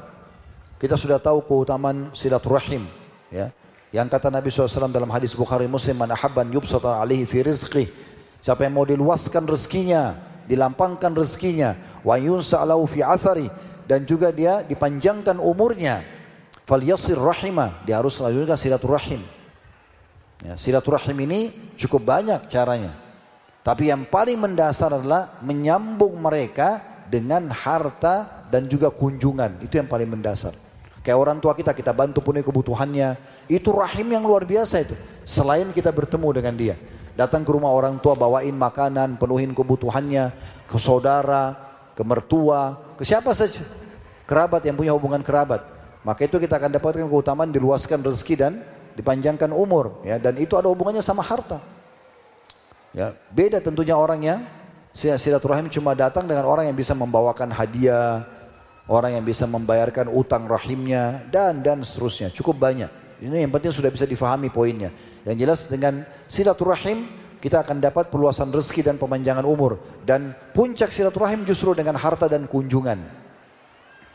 Yang kedua belas, menikah dengan harta. Menikah bagian daripada sunnah Nabi SAW. Butuh harta. Ini kan gitu. Minimal kata Nabi SAW dalam hadis Bukhari Muslim kepada Abdurrahman bin Auf radhiyallahu anhu pada saat beliau menikah. Ditanya, kau sudah menikah? Karena Abdurrahman tiba-tiba masuk masjid pakaiannya seperti pengantin. Pakaian baru, kelihatan wangi. Kata Nabi SAW, Abdurrahman sepertinya ada sesuatu yang terjadi. Kata dia, iya Rasulullah, saya baru nikah. Kata Nabi SAW, sama siapa? Dia bilang, sama satu wanita ansar dari Madinah. Apa yang kau berikan maharnya? Dia bilang, emas, seperti biji kurma. Lalu kata Nabi SAW, kenapa kau tidak iklankan? Aulim walau bisyat. Iklankan, undang orang walaupun hanya dengan seekor domba. Bukankah beli domba butuh uang? Karena ada hubungannya, gitu kan? Gitu. Kemudian juga eh, dalam riwayat yang sahih eh, diriwayatkan dari hadis Buraidah radhiyallahu anhu, takala Ali radhiyallahu anhu meminang Fatimah radhiyallahu anhuma. Jadi Ali meminang Fatimah anak Nabi SAW. Maka Rasulullah SAW bersabda, "Annahu la budda lil arusi min walimah." Pengantin laki-laki harus mengadakan walimah, undangan makan untuk tamu-tamu datang. Semampu dia. Tapi berarti boleh kita adakan. Bahkan kalau kita keluarin makin banyak orang datang kita beri makan, makin besar pahalanya. Ada hubungan antara menikah dengan ini, gitu kan? Yang ketiga belas, setelah menikah ada nafkah istri. Kewajiban bagi suami. Walaupun dia berkisar di lima, di makanan, minuman, pakaian, tempat tinggal, dan transportasi. Tapi bukankah nafkah ini harta? Kita kasih makan orang, makan makan istri, bukankah harta? Minum, pakaiannya, tempat tinggalnya, transportasinya. Dan apa kata Nabi SAW dalam hadis riwayat Muslim? Hadis sahih. Dinar yang kau keluarkan untuk berperang di jalan Allah. Dinar yang kau berikan kepada fakir miskin. Dinar yang kau berikan pembebasan budak. Dan dinar yang kau berikan untuk keluargamu, istri dan anakmu jauh lebih besar pahalanya. Jadi makin kita royal sama keluarga makin bagus. Asal tidak mubazir. Kebutuhannya penuhi. Ya. Tidak berlebihan tapi kita penuhi kebutuhannya. Itu infak yang paling besar pahalanya di sisi Allah Subhanahu wa taala. Tentu di sini hadis seperti ini jangan ditunggangi oleh akhwat kita ya. Nah, itu tadi dengar ceramahnya Ustaz Khalid tuh, pas pulang bilang sama suaminya begitu. Berarti kau harus keluarin uang banyak buat saya. Ya. Saya perlu ingatkan akhwat bertakwa kepada Allah Subhanahu wa taala, ya. Karena Allah menjadikan satu laki-laki ini pintu surga anda. Ya. Dalam Islam tidak ada poliandri. Nggak boleh satu perempuan punya dua suami, nggak boleh. Jadi dia cuma bakti sama satu. Karena kalau dua suami, dua-dua tumpahin sperma, dia hamil siapa ayahnya. Makanya nggak ada poliandri dalam Islam, gitu kan? Jadi akhwat ini cuma bakti sama satu laki-laki ini saja. Kemas baik-baik laki-laki itu. Disuruh santun, suruh melayani, suruh memenuhi kebutuhan. Dan nanti balasannya si laki-laki berikan nafkah kebutuhannya. Nah ini, jangan sampai tidak melayani, ya mukanya selalu cemburut, tutur katanya kasar, pelayannya tidak bagus, lalu minta duit, kewajiban kamu. Nah, si laki-laki bisa bilang, kewajiban kamu bagaimana? Nah kan gitu. Jadi jangan ditunggangi bertakwa kepada Allah Subhanahu wa taala. Dan ingat kewajiban suami nafkah. Lima hal ini, makanan, minuman, pakaian, tempat tinggal, transportasi semampu suami. Lebih daripada ini tidak ada kewajiban. Ya. Jadi boleh saja kita menentukan nafkah itu sesuai dengan kebutuhan sang istri. Tapi di sini kita perlu tahu bahwasanya perempuan memiliki hak nafkah dan itu harta. Ya kan gitu. Kemudian selanjutnya Nafkah buat anak, ini yang poin ke-14. Nafkah buat anak. Anak juga wajib kita nafkahi. Sebagaimana potongan ayat Al-Quran dalam surah Al-Baqarah ayat 223. Wa alal mauludi lahu rizkuhunna wa kisbatun bil ma'ruf. Dan bagi kewajiban bagi ayah memberikan makan dan pakaian kepada si anak dan juga kepada ibunya secara ma'ruf. Ya, kita wajib memberikan nafkah. Anak laki-laki sampai dia balik anak perempuan sampai dia menikah. Ya. Bahkan kata Nabi SAW ya kepada kalau pernah dengar Bashir ya ini ayahnya Nu'man. Nu'man ibn Bashir dua-duanya sahabat. Kebetulan Bashir ini punya kemampuan harta. Tapi di antara semua anaknya ada satu anak namanya Nu'man. Nu'man ibn Bashir masyhur sahabat Nabi yang mulia. Nu'man ini sangat bakti sama ayahnya. Maka Bashir datang kepada Nabi SAW lalu berkata begini, Ya Rasulullah, saya ingin memberikan Nu'man lebih harta. Saya minta anda jadi saksi, gitu kan? Kata Nabi SAW, kau samakan enggak semua anakmu? Bashir, sama enggak kau kasih nanti? Dia bilang enggak ya Rasulullah. Kata Nabi SAW, kalau gitu saya enggak mau jadi saksi. Lalu kata Nabi SAW, tanya kembali Bashir, kau mau enggak anakmu berbakti semuanya sama? Standarnya semua sama, semua bakti sama kamu. Kata Bashir, iya. Kata Nabi SAW, kalau gitu adillah pada mereka dalam pemberian. Kita berikan anak ini 10 ribu rupiah, semua dapat 10 ribu. Kecuali dalam warisan. Kalau warisan beda. Lidzakari mithul haddil unthayain. Laki-laki dapat dua, perempuan dapat satu. Kalau warisan. Kenapa? Karena ada alasannya. Perempuan sebelum nikah, punya ayahnya punya kewajiban menafkahi sampai dia menikah. Kalau dia sudah menikah, suaminya nafkahi. Jadi dalam dua keadaan semuanya aman. Laki-laki kewajibannya hanya sampai balik. Setelah itu pun dia harus membiayai nanti istrinya, anaknya sekian. Makanya dapat warisan dua kali lipat. Ada alasan syar'i. Perlu difahami supaya bisa dijawab kalau ada orang lemparkan syubhat. Mana keadilan Islam? Katanya laki-laki dapat dua warisan. Dia tidak faham. Islam punya peraturan. Tapi kalau dalam pemberian hibah wajib sama. Gak boleh beda. Ya. Makanya kata Nabi SAW, kalau boleh dilebihkan, aku akan lebihkan anak perempuan. Tapi tidak boleh. Sama diberikan. Yang kelima belas, persahabatan dengan harta. Tidak akan pernah langgeng persahabatan selama kendaraannya bakhil. Dan akan selalu langgeng persahabatan kalau kendaraannya royal. Suka memberi. Traktir teman, berikan dia hadiah. Loyal itu, pasti. Gini loh, kaidahnya. Royalitas, suka memberi, mendatangkan loyalitas. Kepedulian. Tidak mungkin loyal datang tanpa royal, gak mungkin, mimpi. Antum mau orang hormatin antum datang dekat, tapi antum gak royal sama dia, gak mungkin. Benar gak? Cuma tiga orang yang ngangguk, yang lain tidak. Allahu a'lam. Mana orang Gresik ini? Masih sadar gak ini? Nggak lapar ya? Ini soalnya taklimnya tablighnya makan siang soalnya. Jadi teman-teman, kalau mau orang lain loyal sama kita, mau istri sayang, istri bakti, istri segala macam royal. Mau suami sayang segala macam, istri juga harus royal. Istri pun boleh memberikan pada suaminya walaupun bukan kewajiban. Pernah dengar Zainab radhiyallahu anha istrinya Abdullah bin Mas'ud. Zainab orang kaya raya. Nikah sama Abdullah bin Mas'ud, Abdullah bin Mas'ud orang miskin. Sampai pernah dia bilang dalam hadis sahih, "Hai suamiku, saya punya uang nih, saya mau keluarin." Coba tanyakan hukumnya ke Rasulullah. Kalau boleh dalam Islam saya berikan Anda, saya berikan Anda, tidak usah saya berikan orang lain. Anda suami saya lebih pantas saya kasih. Maka kata bin Mas'ud, karena beliau laki-laki punya harga diri, jangan saya, kamu yang nanya. Kan tidak enak kalau saya yang tanya Nabi gitu kan. Ya Rasulullah istri saya mau kasih saya duit, kan tidak enak. Kamu yang pergi tanya. Maka Zainab pergi menghadap ke Nabi SAW. Kebetulan di depan rumah Nabi ada satu Zainab lain juga sama orang Ansar, orang kaya suaminya dia mau kasih sedekah. Boleh nggak? Tanyalah kepada Nabi SAW. Tentu panjang riwayat Bilal yang datang temuin. Nabi tanya Zainab siapa dan seterusnya. Tapi ringkas cerita pertanyaannya. Boleh nggak kami kasih harta kami kepada suami kami? Kata Nabi SAW, jawab hai Bilal, suruh jawab kedua perempuan Zainab. Dua-dua namanya Zainab kebetulan di depan pintu. Bilang sama mereka kalau mereka lakukan, mereka akan dapat dua pahala pahala sedekah dan pahala silaturahimnya. Kan gitu. Nah begitu juga dengan persahabatan. Selama antum selalu sama-sama saling mengejar pahala, siapa yang mentraktir lebih dulu, siapa yang memberikan hadiah selalu begitu, maka akan aman. Kalau pernah dengar perkataan Abdullah bin Mas'ud radhiyallahu anhu pada saat ada orang datang mengatakan begini, e, saya ingin mencintai anda karena Allah, saya ingin jadi sahabat anda. Apa kata beliau? Kamu siap, kamu sudah tahu syaratnya, dia bilang apa syaratnya? Kata Abdullah bin Mas'ud syaratnya kantongku adalah kantongmu, kantongmu adalah kantongku. Siap.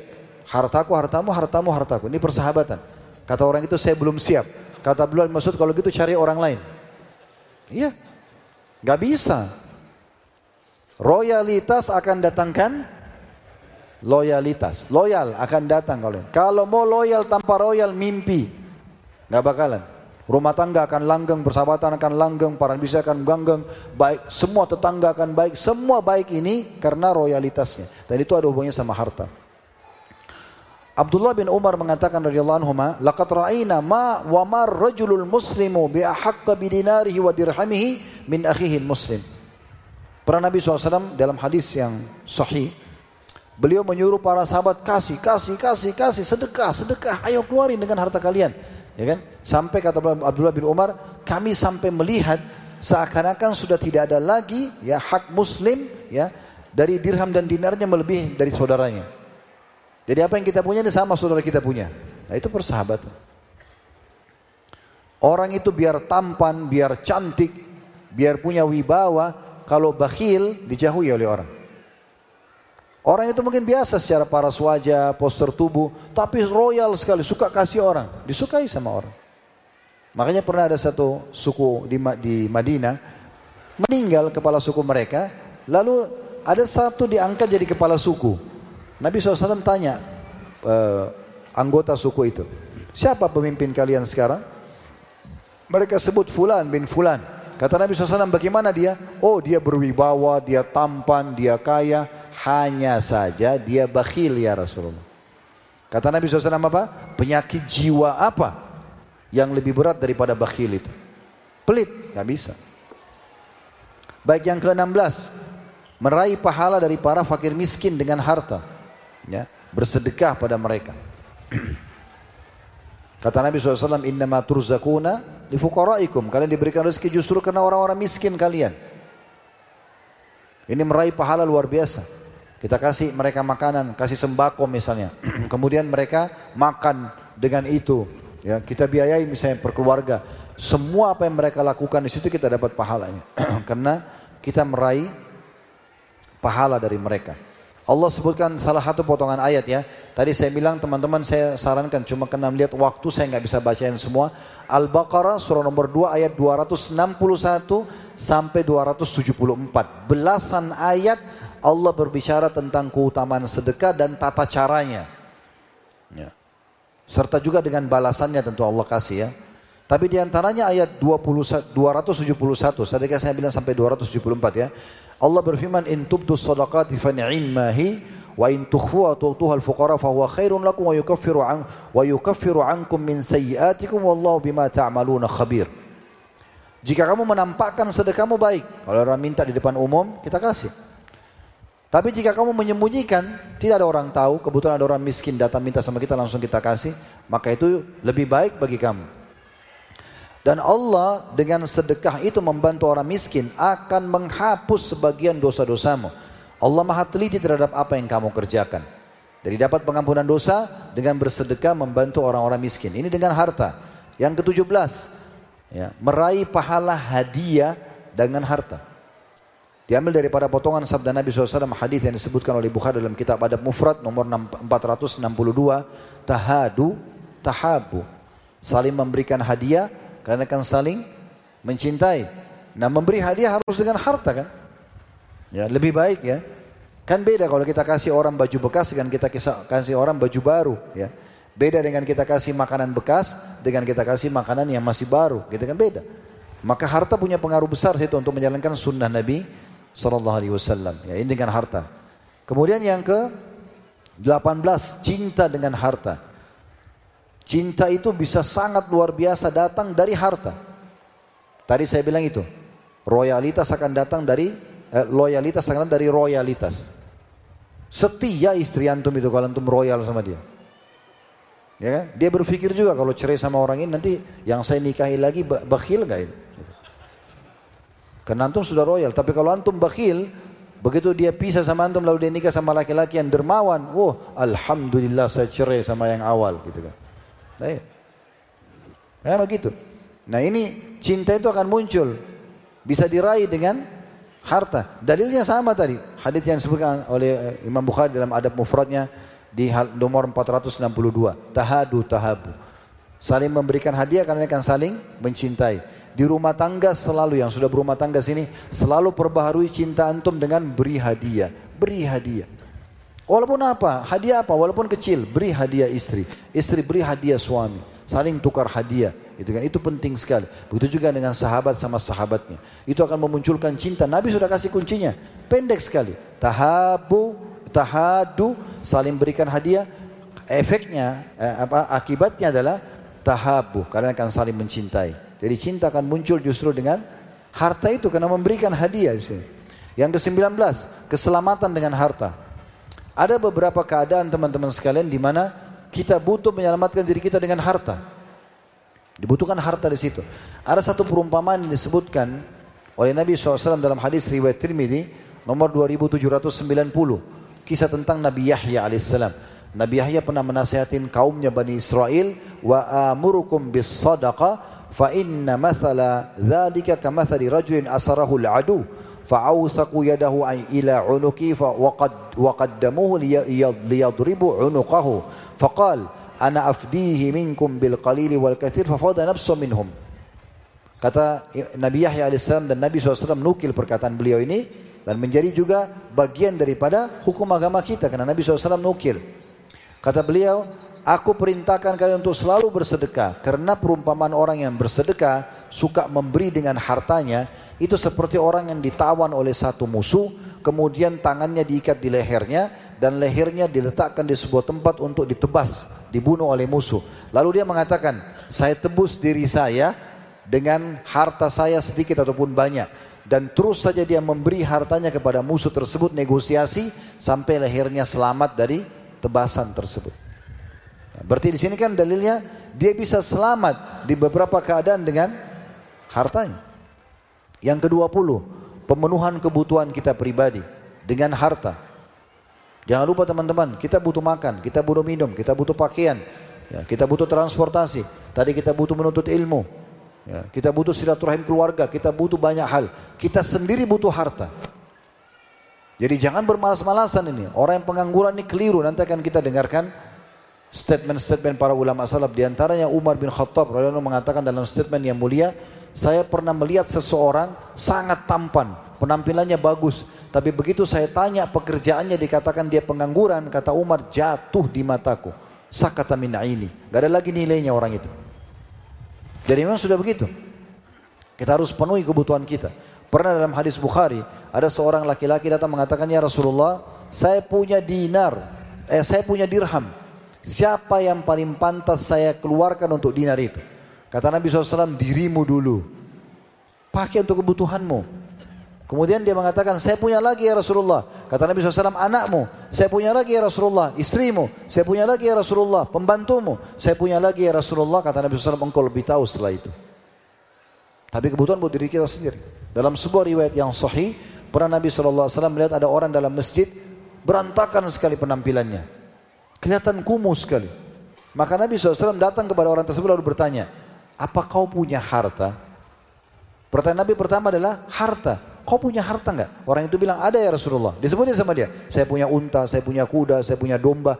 Di masa itu kalau orang punya tiga hewan ini berarti orang mampu. Maka apa kata Nabi SAW? Aina anta min athari ni'mi alaik. Kalau begitu mana kau dari bekas nikmat Allah pada dirimu? Kenapa kau berantakan begini? Tunjukkan baju yang bagus. Tunjukkan penampilan yang bersih dan rapi. Yang penting halal dan tidak berlebihan. Silakan nikmati harta itu. Abu Hanifah rahimahullah, salah satu dari empat imam madhab, beliau pernah pada saat selepas sholat jadi imam kebetulan di masjid beliau di Irak. Selepas sholat orang semua sudah bubar, ada satu orang dulu di masjid juga kelihatan penampilannya berantakan. Maka Abu Hanifah panggil dia sambil mengatakan, pergilah ke mihrab, angkat sejadah saya, di bawahnya ada satu kantong, bawa ke sini. Maka orang itu pergi, diangkat sejarah Imam Abu Hanifah didapatkan satu kantong lalu dibawa kepada Abu Hanifah. Lalu kata Abu orang itu ini silahkan. Kata Abu Hanifah ambillah, perbaiki keadaan hidupmu. Abu Hanifah sedekah buat diambil, pakai. Jangan begini penampilan kamu. Apa kata orang itu? Saya orang mampu ya Imam. Rupanya orang kaya. Tapi tidak nampak sama sekali pakaiannya berantakan, penampilannya kumuh. Kenapa begini? Kata Abu Hanifah, kalau begitu mana kau dari hadis Nabi SAW? Allah menyukai melihat bekas nikmat pada hambanya. Jadi kita butuh penuhi kebutuhan kita. Gini teman-teman, raih pahala di poin-poin yang banyak orang luput dari dia. Di antaranya menikmati harta yang halal yang antum miliki. Asal tidak berlebihan. Saya kasih contoh. Antum masuk ke satu supermarket. Ada dua jenis anggur. Anggur A, kualitas paling bagus premium, harganya 200 ribu per kilo. Anggur B, kualitas B, kualitasnya di bawah daripada yang pertama, harganya 100 ribu. Antum punya uang, yang mana lebih baik antum beli? Yang pertama. Karena Allah suruh kita ya, makan yang halalan, yang boleh dan toyibah, berkualitas. Kalau antum niat beli yang A untuk menikmati apa yang Allah berikan, bukan mubazir dan dari pendapatan halal berpahala ini. Kenapa enggak gitu? Enggak, saya beli ini aja deh. Nanti mau bazir. Kenapa mau bazir? Nah, antum makan. Mau bazir itu antum buang. Antum enggak pakai. Itu mau bazir. Atau ada orang beli 10, 20 mobil, dia enggak pakai. Dia pakai kalau kebutuhannya dua mobil memang dia butuh di rumahnya dia, istrinya, anaknya tiga mobil itu urusan dia. Enggak ada yang mau bazir. Nabi SAW punya unta, punya kuda kok. Gimana caranya? Ya, itu penting ya. Dalam sebuah hadis Nabi SAW riwayat Ibnu Majah berbunyi maka rajulu kasban atyaba min amal yadi. Tidak ada yang lebih baik dari usaha seorang laki-laki kecuali dari hasil tangannya sendiri. Wa ma anfaqa rajulu ala nafsi wa ahli wa waladi wa khadimihi fahuwa sadaqah. Dan apa pun yang seseorang keluarkan buat kebutuhan dirinya, buat keluarganya, istrinya, buat anaknya, dan buat pembantunya kecuali akan jadi sedekah buat dia. Yang ke-21, sehat dan harta. Sangat kerat hubungannya, ya. Orang yang sehat dengan harta. Biasanya orang kalau banyak hartanya, asal halal ya, hanya dia jaga makanan yang berkualitas. Dia tinggal di lingkungan yang berkualitas ya. Itu kan pakaiannya nyaman, keadaannya nyaman. Itu lebih dekat dengan kesehatan. Gitu kan? Bukan kita katakan orang miskin berarti tidak sehat, enggak. Tapi ada erat sekali hubungannya antara sehat dengan harta. Benar gak? Hah? Iya, itu penting karena memang kita disuruh menjaga makanan yang halal dan tayyib. Tadi saya jadi penjelasan itu ya, halal dan berkualitas. Ini butuh harta. Berarti untuk sehat juga butuh harta. Beli vitamin, ya, beli madu, kan butuh harta beli itu. dan kita tahu teman-teman sekalian, dalam maqasidus syariah, dalam ada poin-poin darurat yang harus diketahui dan harus dijaga oleh seorang muslim dan hukumnya wajib ya. Itu ada lima kan. Yang pertama itu hifdzuddin, menjaga agama. Gak boleh kita sengaja rusak agama kita. Ya. Kemudian yang kedua, hifdzun nafs. Menjaga jiwa kita. Gak boleh sengaja kita celakakan. Gak boleh kita sengaja buat diri kita sakit. Sudah tahu ini makanan basi dimakan misalnya. Kemudian hifdzul akal. Menjaga kesehatan akal. Gak boleh sengaja kayak orang minum khamar, narkotika, dia rusak akal dia. Ya kan, otaknya. Kemudian wan nasl, keturunan. Gak boleh zina punya anak zina, jaga keturunan manusia dan wal mal menjaga harta. Dan kalau ada orang meninggal karena membela hartanya, karena dirinya, keluarganya, maka dia meninggal mati syahid. Ya. Kemudian yang ke-22, pahala yang diraih dari sakit melalui harta. Maksudnya di sini yang saya ingin titik beratkan adalah kita bukan mau sakit, bukan. Tapi kalau kita sakit, kan kita butuh berobat ya. Benar gak? Nah, kita kan untuk berobat supaya keluar dari sakit itu kan butuh harta. Nah begitu juga kalau kita ingin meraih pahala dari orang-orang yang sakit dengan cara menjenguknya. Menjenguk orang sakit ada pahalanya kan? Hadis yang masyhur yang luar biasa. Yang kata Nabi SAW dalam hadis sahih, siapa menjenguk saudaranya di pagi hari, walaupun sesaat, maka Allah akan datangkan atau ya Allah akan dat ya, datangkan 70 ribu malaikat yang mendoakan dia sampai sore hari. Siapa yang menjenguk sore hari saudaranya muslim, walaupun sesaat Allah akan datangkan malaikat yang mendoakan dia sampai besok pagi. Nah menjenguk orang sakit ini kan kita butuh transport, ya kita butuh membawakan hadiah kepada dia, ya ini butuh harta. Ya, dan cukup banyak keutamaan menjenguk orang sakit, teman-teman nanti bisa baca itu tidak saya bahas lagi. Kemudian yang ke-23 sembuh dengan harta, ini juga sama ya karena Nabi SAW mengatakan dalam hadis yang sahih tadawu ibadallah berobatlah wahai hamba-hamba Allah fa inna Allah taala la yadha da'un illa wada Allahu da ghaira da'in wahid al-haram. Berobatlah wahai hamba-hamba Allah, berobat butuh harta. Ya, tidak selamanya ada yang gratis, bahkan ada sebagian obat mungkin harus kita ya beli ya.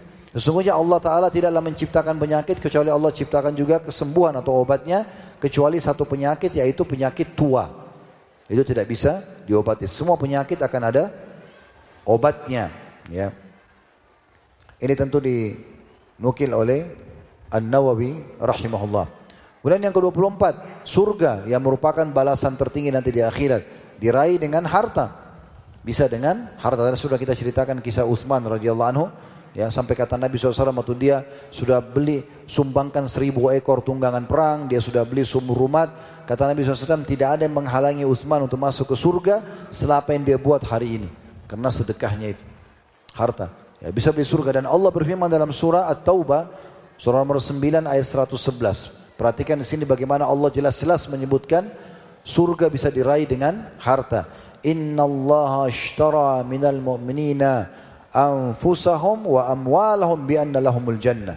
Sungguhnya Allah membeli dari orang-orang beriman diri mereka dan harta mereka untuk dibalas dengan surga. Ya. Kemudian Allah bilang, yuqatiluna fi sabilillah fayaqtuluna wa yuqtalun. Mereka berperang jalan Allah, mereka membunuh dan mereka terbunuh wa'da wa'dan alaihi haqqan fit Taurat wal Injil wal Quran. Itu sudah janji benar ada dalam Taurat, dalam Injil dan juga dalam Al-Qur'an. Lalu Allah mengatakan, "Oman aufa bi ahdi Allah. Siapa yang lebih tepati janji daripada Allah, fastabshiru bi bai'ikum alladhi bay'atum bihi. Maka terimalah berita gembira dengan transaksi kalian itu. Jadi kita transaksi sedekah jalan Allah dapat surga gitu. Bergembira dengan transaksi kalian itu, wadzalika huwal fawzul azim. Itu adalah kemenangan yang besar. Yang ke-25, nama baik, wibawa dengan harta. Ya. Ini penting sekali. Perhatikan disebutkan dari Mausua Ibnu Abi Dunya sebuah athar di jilid 7 halaman 426 Mausua Ibnu Abi Dunya perkataan Qais bin Asim rahimahullah seorang ulama yang masyhur di masanya beliau mengatakan pada saat menghadapi kematian ya annahu qala indal maut ya baniya dia kumpulkan anak lalu dia mengatakan wahai anak-anakku ini wasiat seorang ulama yang faham agama kepada anak-anaknya pada saat dia mau meninggal. Alaikum bistina'al mal. Kalian wajib beliau mengatakan ya untuk mencari harta itu. Beliau bilang itu wajib bekerja cari harta, kumpulin yang banyak. Fa innahu mambahatu lil karim. Karena harta yang baik itu ya adalah kedudukan yang mulia. Wa yustagna bihi 'anil laim dan juga akan menyelamatkan ya dari keterhinaan. Dan akan menyelamatkan dari keterhinaan. Kemudian juga dinukil perkataan Sa'id bin Musayyib rahimahullah pada saat beliau mau meninggal, beliau punya harta melimpah sekali. Tidak ada yang tidak kenal Sa'id bin Musayyib rahimahullah, seorang ulama yang masyhur, ulama yang sangat terkenal dengan ilmunya bahkan jadi marji atau rujukannya para ulama di Irak di masa itu. Ya. Beliau punya harta melimpah sekali dan pada saat beliau meninggal, mau meninggal, beliau mengatakan begini, Allahumma inna kata alamu anni lam ajma'uha. Ya. Ya Allah, sungguh yang kau tahu aku tidak kumpulkan semua ini, tanda kutip ad-dunya maksudnya harta dunia ini, illa li'asunu biha dini. Kecuali untuk menguatkan agamaku, melindungi agamaku. Harta ini akan melindungi agama. Kemudian wa aslu wa as biha rahimi wa asilu biha rahimi. Dan aku melanjutkan hubungan silaturahim dengan harta ini. Wa aquffu biha wajhi. Dan aku jaga kemuliaan wajahku tidak terhina dengan harta ini. Wa aqdi biha daini. Aku membayar utang-utangku. La khaira man la yajma'ul mal liyakuffu bihi wajha. Lalu beliau nasihati orang di sekitarnya. Setelah baca doa ini, beliau mengatakan tidak akan dianggap seseorang punya kebaikan selama dia tidak kumpulkan harta untuk memuliakan nama baiknya. Wa yasilu bihi rahimah dan dia lanjutkan hubungan silaturahimnya. Wa yakdi bihi dainah dan dia bayar utang-utangnya. Wa yasunu bihi dinah dan dia juga memuliakan agamanya dengan harta itu. Nama baik dijaga. Kemudian juga yang ke-26, kedudukan dan harta. Ya. Dengan harta orang punya kedudukan. Otomatis kan gitu. Dan kedudukan juga diraih dengan harta. Kan gitu. Tapi kita bicara yang positif ya, yang benar gitu.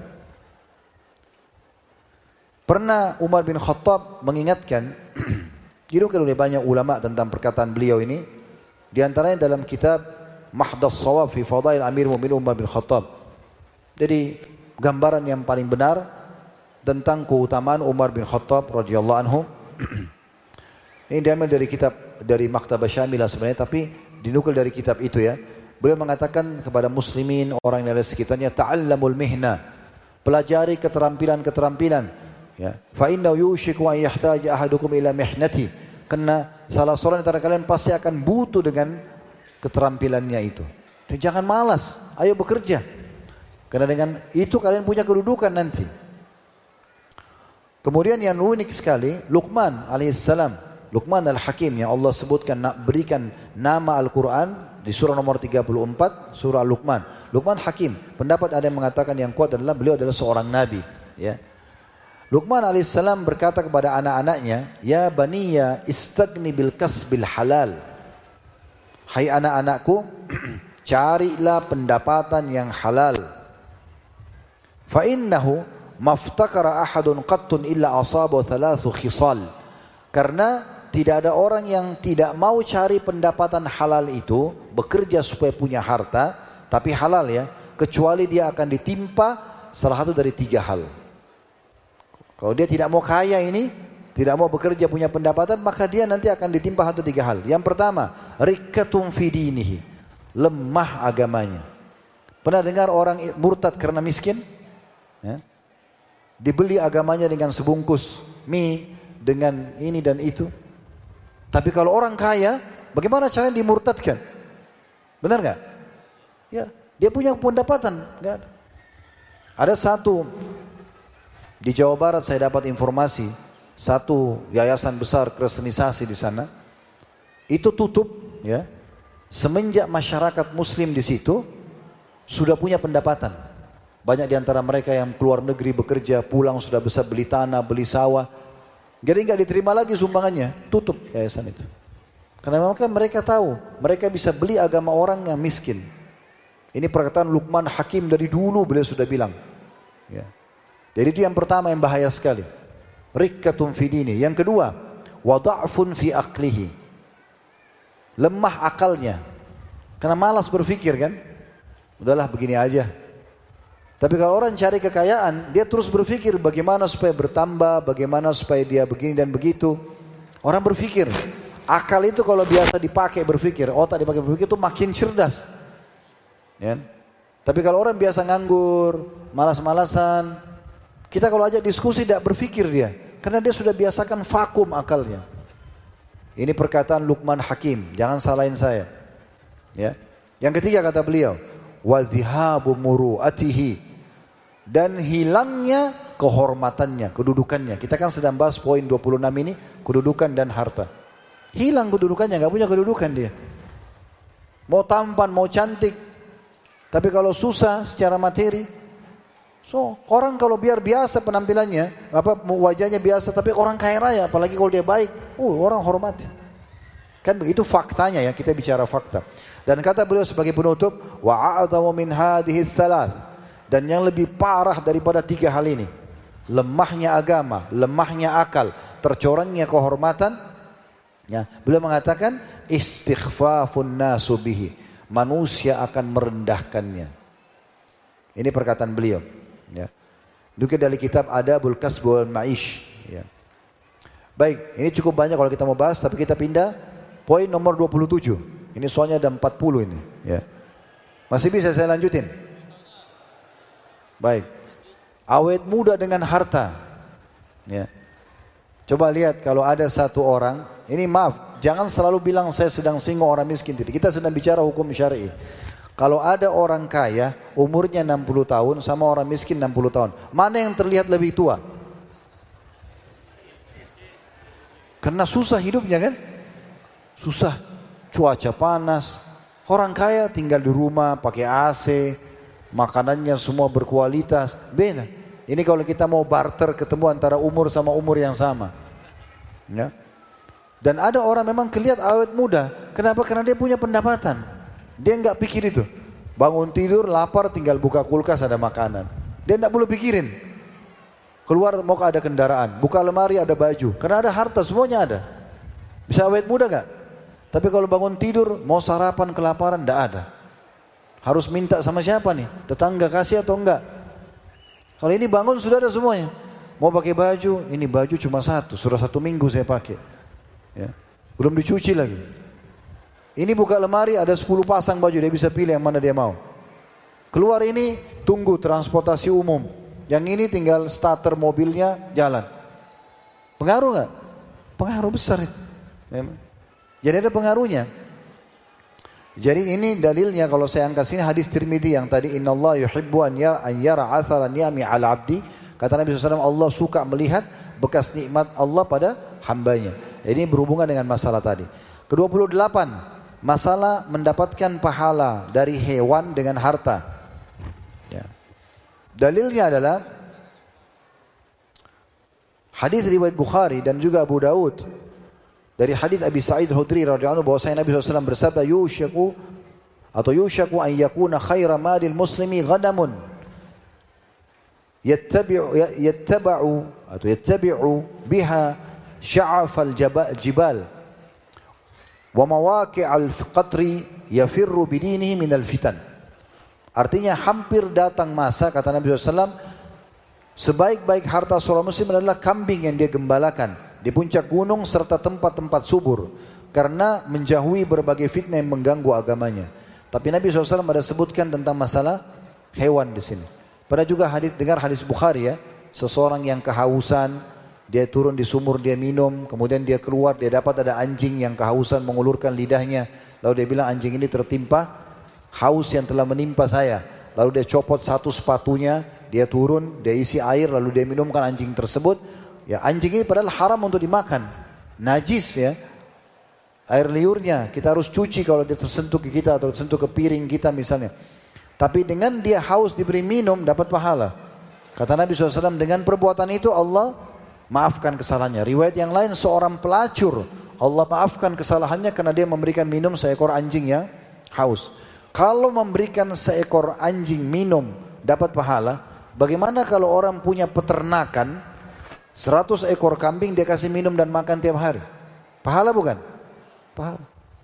Makanya waktu hadis itu disebutkan di Bait Bukhari, para sahabat mengatakan, "Ya Rasulullah, ainna lana fil bahami fil bahaimi la ajra?"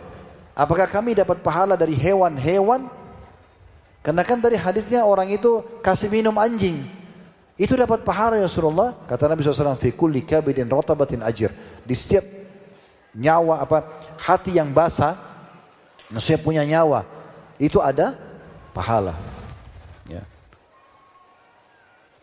Selanjutnya ke-29 pahala dari tumbuhan dan harta. Saya agak cepat karena sudah mau asar ya. Hadis yang masyhur dari hadis Muslim kata Nabi SAW, beliau pernah berkata kepada Ummu Ma'bad seorang sahabiat, siapa yang menanam kurma ini? Beliau tanya, ya. Man garasa hadan nakhl, a muslimun am kafir? Muslim atau orang kafir? Faqalat maka Umar berkata, bal muslim, seorang muslim. Qala fala yagrisul muslimu garsan fayakulu minhu insanun wala dabbatun wala tayrun illa kana lahu sadaqatun ila yaumil qiyamah. Ketahuilah hai Ummu Ba'bad, tidak ada seorang muslim yang menanam satu pohon, satu pohon dia tanam, kemudian pohon itu dimakan darinya oleh manusia, hewan-hewan melata, burung, kecuali akan jadi sedekah buat dia. Antum tancap pohon apa saja. Ya, kemudian pohon itu diambil manfaatnya oleh manusia atau hewan melata, serangga pun misalnya atau apa ya yang eh, apa ulat atau apa memakan daunnya misalnya atau ya burung yang mampir situ mengambil buahnya atau daunnya kecuali akan jadi sedekah. Berarti kan menanam pohon ada pahalanya. Dan untuk menanam pohon punya butuh harta ya. Kalau satu pohon dapat pahala begini, kalau antum bilang, tapi kan Ustaz gampang. Saya ambil pohon di tanah yang kosong, tidak ada penghuninya atau di gunung, saya tanam, saya dapat pahala. Iya, berapa banyak antum bisa buat? Kalau orang punya harta, dia bisa beli seribu pohon. Dia bisa lebih satu juta pohon. Dan dalam hadis Bukhari lain dikatakan, kata Nabi SAW, "Ma min muslimin yagrisu garsan illa kana illa kana ma ukila minhu lahu sadaqa." Dan ketahuilah tidak ada seorang muslim menanam satu tanaman, ya. Kemudian ada yang makan dari pohon itu kecuali dihitung sedekah untuknya. Wasurika minhul sadaqah. Kalau ada yang dicuri dari pohon itu, antum tanam mangga ada yang curi buah mangganya, terhitung sedekah bagi menanamnya. Wa ma akala sab'u minhu fahuwa sadaqah. Dan yang dimakan binatang buas dari pohon itu juga sedekah bagi dia. Wa ma akala at-tayru fahuwa lahu sadaqah. Yang dimakan oleh burung juga sedekah. Wala yazra'uhu ahadun illa kana lahu sadaqah. Dan tidak ada seorang pun ya yang mengambil menambah atau mengurangi dari pohon itu kecuali menjadi sedekah buat dia. Kayak misalnya orang cangkok ya, dia cangkok dia ambil, itu juga pahala sedekah bagi penanam. Yang ketiga puluh pahala air dengan harta. Hadisnya Nabi SAW mengatakan ya afdalu ay, uh, afdalu sadaqatu syuqiyatul ma. Atau waktu dia ditanya ayyi sadaqatin afdal? Beliau mengatakan suqyal ma. Sedekah apa yang paling afdal? Beliau mengatakan memberi minum kepada orang lain. Ya hadisnya hadis Nasai dan disahihkan dihasankan oleh Syekh Albani. Tentu ini cukup panjang tapi yang jelas memberi minum orang adalah pahala. Kalau antum berikan satu gelas air itu pahala. Maka kalau antum berikan Sepuluh gelas atau antum galikan sumur atau antum buatkan tandon air besar dan seterusnya ini pahalanya lebih besar. Jadi kita bisa dapat pahala dari air dengan harta. Yang ketiga puluh satu pahala ya tanah eh, pahala dari tanah dan harta. Maksudnya kita wakafin tanah ya. Sebagaimana sabda Nabi SAW hadis riwayat Muslim, kalau anak Adam idza mata al-insan, idza mata, kalau meninggal manusia, in qata amalu illa min thalathin, terputus sumber pahalanya dari tiga min sadaqatin jariyah sedekah yang berjariah atau yang selalu berjalan. Itu di antaranya wakaf tanah wakaf bangunan. Ini kan dengan harta. Wa ilmu wa ilmin yuntafa'u ilmu yang bermanfaat wa waladin salin yad'ula atau anak saleh yang mendoakan. Saksi bahasan kita adalah sedekah jariah dari bangunan atau tanah yang diwakafin. Yang ke-32 pahala dari api atau penerangan pahala dan harta. Ya. Sekarang mikrofon yang saya pakai ini mendengar yang saya pakai terdengar suara saya dan Anda semua bisa dengar. Ini pahalanya luar biasa. Nih. Orang bisa dengar. Belum lagi kita rekam. Teman-teman di seluruh Indonesia bahkan seluruh dunia ada yang ngikutin online. Dapat pahala. Ini kan dengan listrik, penerangan. Ya. Antum buat penerangan di satu masjid, penerangan di satu pesantren, penerangan di rumah orang-orang miskin, ya. Penerangan, coba ya kita terangkan itu. Maka itu pahalanya besar. Mereka pakai sholat, mereka pakai baca buku, baca Quran itu semua pahala besar. Ya sampai Nabi SAW juga menjadikan dalam hadis riwayat Imam Ahmad, fal yuhdi ilaihi zaitan yusraju fa inna man ahda lahu kana kaman Beliau bicara tentang keutamaan Masjid Aqsa, beliau mengatakan kalau tidak bisa ke sana, serahkan sumbangkan zai, uh, minyak. Karena masa dulu orang pakai minyak untuk penerangan belum ada listrik ya minyak zaitun terus ditaruh sumbu, dibakar api nanti dia bisa menyala jadi penerangan. Maka itu sama dengan orang sholat di dalamnya. Ya ini juga sekaligus saya berbagi teman-teman sekalian jangan sia-siakan kesempatan kalau bisa bayarin listrik orang bayarin. Terutama para ulama ya. Para penuntut ilmu, orang-orang ini penting untuk dibiayai listrik terutama penerangan. Begitu juga dengan makanan, pakaiannya. Tapi seperti itulah. Jangan biarkan seorang alim kecuali antum berebut untuk bayarin listriknya, bayarin berasnya kalau perlu apa saja karena itu luar biasa ya. Tidak semua orang alim juga punya pendapatan. Kemudian yang ke-33 rumah dan harta ya. Kita butuh rumah tempat tinggal. Daripada ngontrak daripada kos-kosan daripada numpang kita punya rumah. Caranya gimana? Harus punya harta. Dan Nabi SAW menyebutkan punya har, punya rumah yang luas bagian daripada kebahagiaan. Dalam hadis Abu diriwayatkan Ibnu Hibban kata Nabi SAW arbaun minas sa'adah Empat perkara menjadi sumber kebahagiaan. Ya, yang pertama, almar'atus salihah. Istri yang salihah. Ya. Oleh itu jangan nikah sama yang tidak salihah. Itu jangan perempuan nikah sama laki-laki saleh. Ini harta termahal, sumber kebahagiaan. Yang kedua beliau mengatakan wal maskanul wasi'. Tempat tinggal yang luas. Harus butuh harta. Ya, kalau kita punya uang sedikit kita beli kecil. Tapi Nabi bilang, Kebahagiaan kamu dapat dengan rumah yang luas. Berarti butuh uang ini. Benar gak? Yang ketiga wal jarus saleh, tetangga yang baik. Kemudian yang keempat wal markabul hani. Ya, tunggangan yang nyaman. Kalau kita sekarang motor, mobil yang nyaman, pakai yang bagus. Itu butuh harta semuanya. Kemudian 34 kendaraan dan harta. Ini sama dalilnya, tapi kita ambil potongan akhir hadis tentang masalah wal markabul hani, tunggangan yang nyaman. 35. Meraih pahala yatim dengan harta. Semua keutamaan yatim kita bisa dapat ya dengan cara harta. Karena kata Nabi SAW, Ana wa kafirul yatim kahatain. Saya dengan sponsor anak yatim seperti ini. Di surga nanti kita sama Nabi seperti ini, telunjuk sama jari tengah dekat sekali dengan Nabi. Tapi itu bagi sponsor yatim, ya. Maksudnya adalah biayai yatim itu. Bagaimana kalau tidak dengan harta? Pahalanya luar biasa bersama Nabi dekat sekali di surga. Padahal amal kita mustahil mendekati amal Nabi. Yang ke-36, janda dan harta. Meraih pahala mereka janda-janda yang tidak mampu.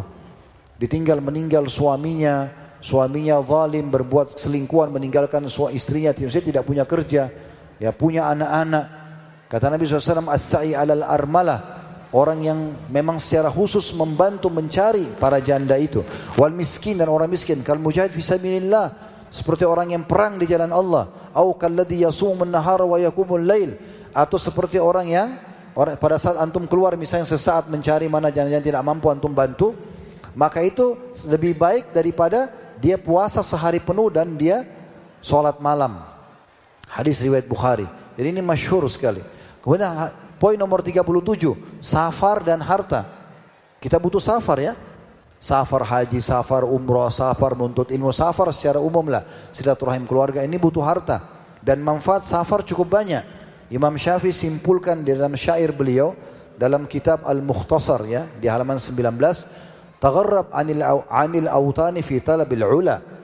Mengasingkan atau berpindahlah kalian ke banyak negeri, safarlah untuk mencari kemuliaan. Karena jadi kenal tradisi orang, kita jadi kenal eh, makanan orang, kita jadi punya banyak pengalaman gitu ya. Wasafir fafil asfari khamsu fawaidin atau khamsu fawaid. Safarlah kalian karena dalam safar kalian akan dapat lima manfaat. Tafriju hammin menghilangkan sumpek atau sedih waktu sabu maishatin mendapatkan sumber pendapatan ya Orang kalau mau bisnis mau segala macam pergi kota dari kota kita ketemu para pedagang jadi tahu gitu kan. Yang ketiga wa ilmun mendapatkan ilmu wa adabun yang keempat tata kerama yang kelima terakhir wa suhbatu majidin persahabatan yang ya sejati. Yang kedelapan wasiat dengan harta. Pernah dengar wasiat ya? Wasiat itu teman-teman apa yang antum bisa sebutkan dan di, nanti dilaksanakan setelah antum meninggal. Nah di antaranya harta. Makanya kata Nabi SAW, La wasiat li waris. Tidak ada wasiat harta buat ahli waris. Ahli waris tidak boleh. Gak boleh antum bilang, saya wasiatkan tanah saya di sini buat anak saya yang ini. Gak boleh. Anak-anak sudah ahli waris. Tapi Nabi SAW bilang dalam banyak hadis di antaranya, Allah telah mengizinkan kalian untuk mendapatkan tambahan pahala setelah kalian meninggal sepertiga dari harta kalian. Kita boleh tulis wasiat, saya wasiatkan sepertiga harta saya untuk pesantren, untuk bangun masjid. Nah, nanti sisanya baru dibagi warisan. Ini wasiat. Kemudian ini cukup banyak dalam hadis Bukhari Muslim disebutkan kisah tentang Sa'ad radhiyallahu anhu yang mau yang akhirnya Nabi SAW mengatakan wasturuthu wasturuthul kathir sepertiga dan sepertiga baik maksudnya untuk mewasiatkan. 39 warisan dan harta. Nah warisan juga kalau kita tinggalkan kepada ahli waris kita tuh pahala sendiri. Bagaimana kita bisa tinggalkan warisan kalau tidak punya harta? Nah kata Nabi SAW kepada saat innaka antadar warasataka agniya khairun min antadarahum alatan yatakaf, yatakaffafuna nas. Ketahui saat kau tinggalkan anak-anakmu keturunanmu dalam kondisi mereka kaya, Jauh lebih baik daripada kau tinggalkan mereka miskin, mereka mengemis kepada orang. Ini hadis Bukhari Muslim. Jadi kita bagaimana caranya dapat pahala dari warisan kalau kita nggak punya harta. Jadi kalau kita tinggalkan mereka dalam kondisi kaya, itu pahala buat mereka, buat kita karena kita meninggalkan harta yang cukup buat mereka. Kata Nabi SAW gitu ya, engkau tinggalkan anakmu dalam kondisi agnia kaya, khairun lebih baik min an yatadarahum alatan yatakawunas lebih baik daripada mereka mengemis pada manusia. Yang keempat puluh, Ya, sebentar yang terakhir, yang ke-40 masalah hutang piutang dengan harta. Ya, hutang piutang dengan harta. Maksudnya kita bisa mendapatkan pahala dari utangnya orang lain. Ya. Kalau pernah dengar hadis Nabi SAW cukup banyak di antaranya saya ringkaskan sebuah hadis riwayat Imam Ahmad, Abu Ya'la ibnu Majah, Tabarani, Al Hakim, Al Baihaqi dan di sini disahihkan oleh Syekh Albani. Kata Nabi SAW, "Man anzara mu'siran Siapa yang memberikan tenggang waktu pada orang yang berada dalam utang, kesulitan. Ya. Falahu bikulli yaumin sadaqah qabla an yahilla dain. Maka dia akan dapat pahala sebesar uang yang dia utangkan ke orang lain itu setiap harinya. Jadi kalau antum utangkan orang satu juta, satu Januari, jatuh tempo satu Februari. Antum investasi kasih satu juta, tapi antum dapat pahala 31 juta. Karena setiap hari seperti sedekah 1 juta. Begitu kata Nabi SAW, sampai jatuh tempo. Fa'idha halad dain, fa'andara kana bikul yomin mithlahu sadaqah. Kalau lewat dari jatuh tempo, misalnya sampai 1 Februari dia belum bayar. Kita datang, akhi, ukti saya tagih utang. Oh saya belum bisa bayar. Baik saya kasih lagi waktu sampai 1 Maret. Di bulan Februari setiap hari sedekah seperti 2 juta rupiah. Double. Bagaimana caranya kita bisa dapat pahala ini kalau kita nggak punya uang? Utangin orang itu pahala. Bahkan kata Nabi SAW dalam hadis yang lain, siapa yang mengutangkan orang lain atau memberikan uh, memberikan tenggang waktu atau memaafkan, maka dia akan dapat naungan Allah pada hari kiamat tidak ada naungan kecuali naungan Allah. Nah ini keutamaan bisa didapatkan dengan harta. Setelah kita sebutkan 40 argumentasi anjuran dalam Islam bagaimana kita mengejar untuk menjadi orang yang punya harta dan tentu ingat lima hurufnya halal artinya dengan cara yang benar dan juga kita menjauh lima huruf yang lain masalah haram. Maka ada kiat yang kami ingin berbagi teman-teman sekalian bagaimana bisa menjadi orang yang kaya. Yang pertama dari kami kiatnya dan ini dasar sekali ya. Kiatnya adalah kita meminta kepada Allah Subhanahu wa taala, berdoa. Semua apa yang antum harapkan ingin menjadi seorang alim, orang kaya, orang yang punya kedudukan, apa saja. Maka berdoa kepada Allah SWT dan jadikan sebagai rutinitas doa kita. Dan ini harus kita panjatkan dengan tulus dan pilih waktu-waktu mustajab, ulangi selalu doa itu sampai Allah Azza wa Jal berikan. Sofyan al-Thawri rahimahullah tidak pernah punya hajat apa pun terlintas di benak beliau kecuali beliau sujud depan Ka'bah karena beliau tinggal di Mekah pada saat itu dan tidak angkat kepalanya kecuali sudah dituangkan semua dan beliau selalu menemukan solusinya. Doa, doa, ingat itu. Selalu berdoa dan doa dengan tulus, dengan ikhlas. Kalau di luar sholat pakai bahasa Indonesia. Antara azan iqamah, waktu hujan turun, sepertiga malam selepas sholat berdoa, pakai bahasa Indonesia silahkan. Ya. Yang kedua, ilmu punya ilmunya. Misalnya kita mau buka restoran, pelajari tentang restoran itu. Banyak sekali yang bisa dibaca artikel, banyak sekali yang bisa kita pelajari dari buku-buku orang-orang yang sudah pengalaman buka restoran, tanya mereka. Belajar dari mereka, seperti apa mereka memulai modalnya, seperti apa ini dan itu. Kemudian dari sisi lain juga pelajari situasi dan kondisi di sekitar kita. Apakah nanti kalau kita buka restoran itu pas bisa terjual atau tidak, itu pelajari. Ya. Perlu kita pelajari. Atau kita ingin membuka apa saja. Bisnis apa pun itu sifatnya. Maka kita pelajari pasar, punya ilmunya. Ya, jangan kita terjun bebas. Ya. Kemudian yang ketiga, eh, maaf, maaf dalam dalam poin satu dan dua ini, eh, dalam poin kedua ini perlu saya tambahkan juga supaya sukses usaha kalaupun kita sudah buka, ingat ada tiga rangkaian ya di poin nomor dua ini, modal halal, sistem halal, produk halal. Ya. Jangan antum produknya halal, sistemnya halal tapi modalnya haram. Dari hasil riba, ya utang riba nggak boleh. Nanti hilang berkahnya produk, walaupun dia produknya halal dan sistem juga bisa terganggu. Jadi harus tiga-tiga bergabung ya.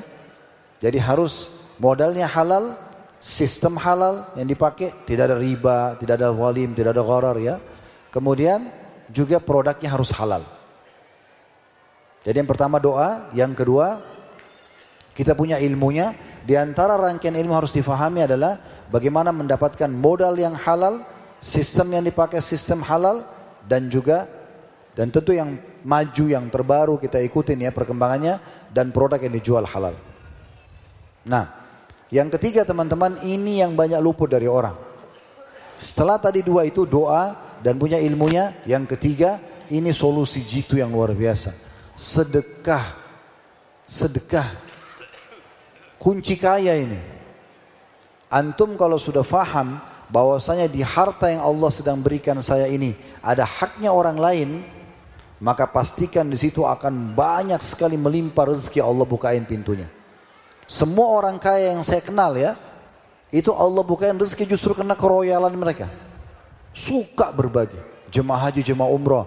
Yang sibuk. Saya orang-orang kaya ini sibuk selalu belikan, mau pulang belikan hadiah buat keluarganya, bagi-bagi orang di Mekah sama di Madinah suka sedekah. Bahkan sedekah ini, kalaupun dilakukan oleh orang kafir pun, Allah kasih rezeki. Tapi di dunia Allah balas. Orang mukmin dibalas dunia dibalas di akhirat. Coba pakai resep ini teman-teman sekalian. Sedekah dan ingat untuk mendapatkan yang terbaik berikan yang terbaik. Ya, Jangan sampai kotak amal lewat, antum kasih 2000 rupiah. Padahal antum punya banyak uang. Kenapa dianggap sedekah nggak penting? Lalu minta sama Allah kesehatan, keturunan, keselamatan dengan 2000 rupiah. Ini bakhil namanya. Kasih yang terbaik di jalan Allah Subhanahu wa taala. Ini solusi yang luar biasa. Nabi SAW menasihati kita tutup dengan ini.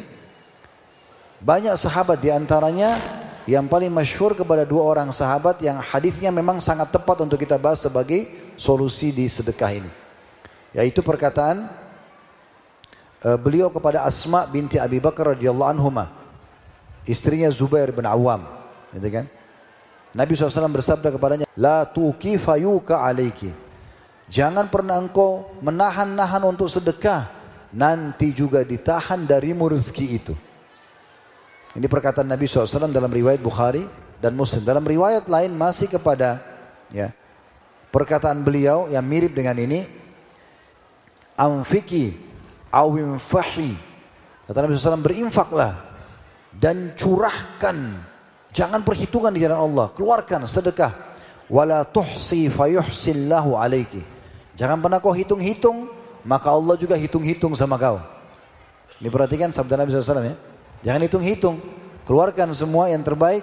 Allah juga tidak akan hitung itu sama kamu. Wala tu'i fayu'illahu alaiki. Jangan kau tahan-tahan sampai Allah juga nanti tahan rezekimu. Ah, besok aja deh. Ah, orang miskin di depan aja deh. Sekarang kasih yang ini. Bisa saja pada saat kita kasih orang miskin ini setelah satu menit kita jalan meninggal dunia. Itu amal terakhir. Begitu juga terakhir riwayatnya Bilal radhiyallahu anhu. Pernah satu kali Nabi SAW masuk menemui Bilal di rumahnya. Dakhala Nabi SAW ala Bilal wa indahu subratun min tamr. Bilal punya satu keranjang uh, kurma. Ya. Faqala ma hadha ya Bilal. Kata Nabi SAW apa ini hai Bilal? Qala syai'un addakhartuhu li gadat. Atau li gadin. Saya simpan untuk besok ya Rasulullah. Saya mau sedekah tapi untuk besok. Dalam riwayat lain, addakhiruhu laka ya Rasulullah. Saya simpan buat anda ya Siapa tahu anda datang jadi tamu saya, saya khususkan buat saya kasih anda. Apa jawaban Nabi SAW kepada Bilal? Ama takhsha antara lahu gadan bukharan fi nari jahannam yawmal qiyamah? Apa kau tidak takut hai Bilal? Nanti ini justru bisa menjadi bahan bakar di api neraka. Kalau kau tunda tidak sedekahkan. Lalu kata Nabi SAW, Amfik ya Bilal. Keluarkan sedekahkan hai Bilal. Wala takhsha min dhil arshi iqlala dan jangan pernah kau takut kepada pemilik arsh ya. Atau jangan kau takut kemiskinan dari pemilik arsh yang agung. Maksudnya Allah subhanahu wa ta'ala. Saya tambahkan sebagai penutup juga teman-teman sekalian. Antum tidak asing nama Abdurrahman bin Auf. Tidak asing nama Talha bin Ubaidillah. Ini sahabat-sahabat yang kaya raya ya. Kemudian Sa'ad bin Abi Waqqas. Kemudian Sa'ad bin Ubadah. Ya. Dan banyak yang lainnya. Ini pada saat mereka meninggal ikhwan akhwat sekalian. Kalau dihitung hartanya itu saya pernah hitung waktu tablik akbar bedah nama-nama sahabat mulia ini. Itu mereka tinggalkan puluhan miliar bahkan ratusan miliar kalau kita sekarang. Pertanyaan sederhana. Apakah uang-uang yang ditinggal oleh para sahabat, tinggal oleh para sahabat pada saat meninggal ini hasil tabungan? Jawabannya demi Allah bukan.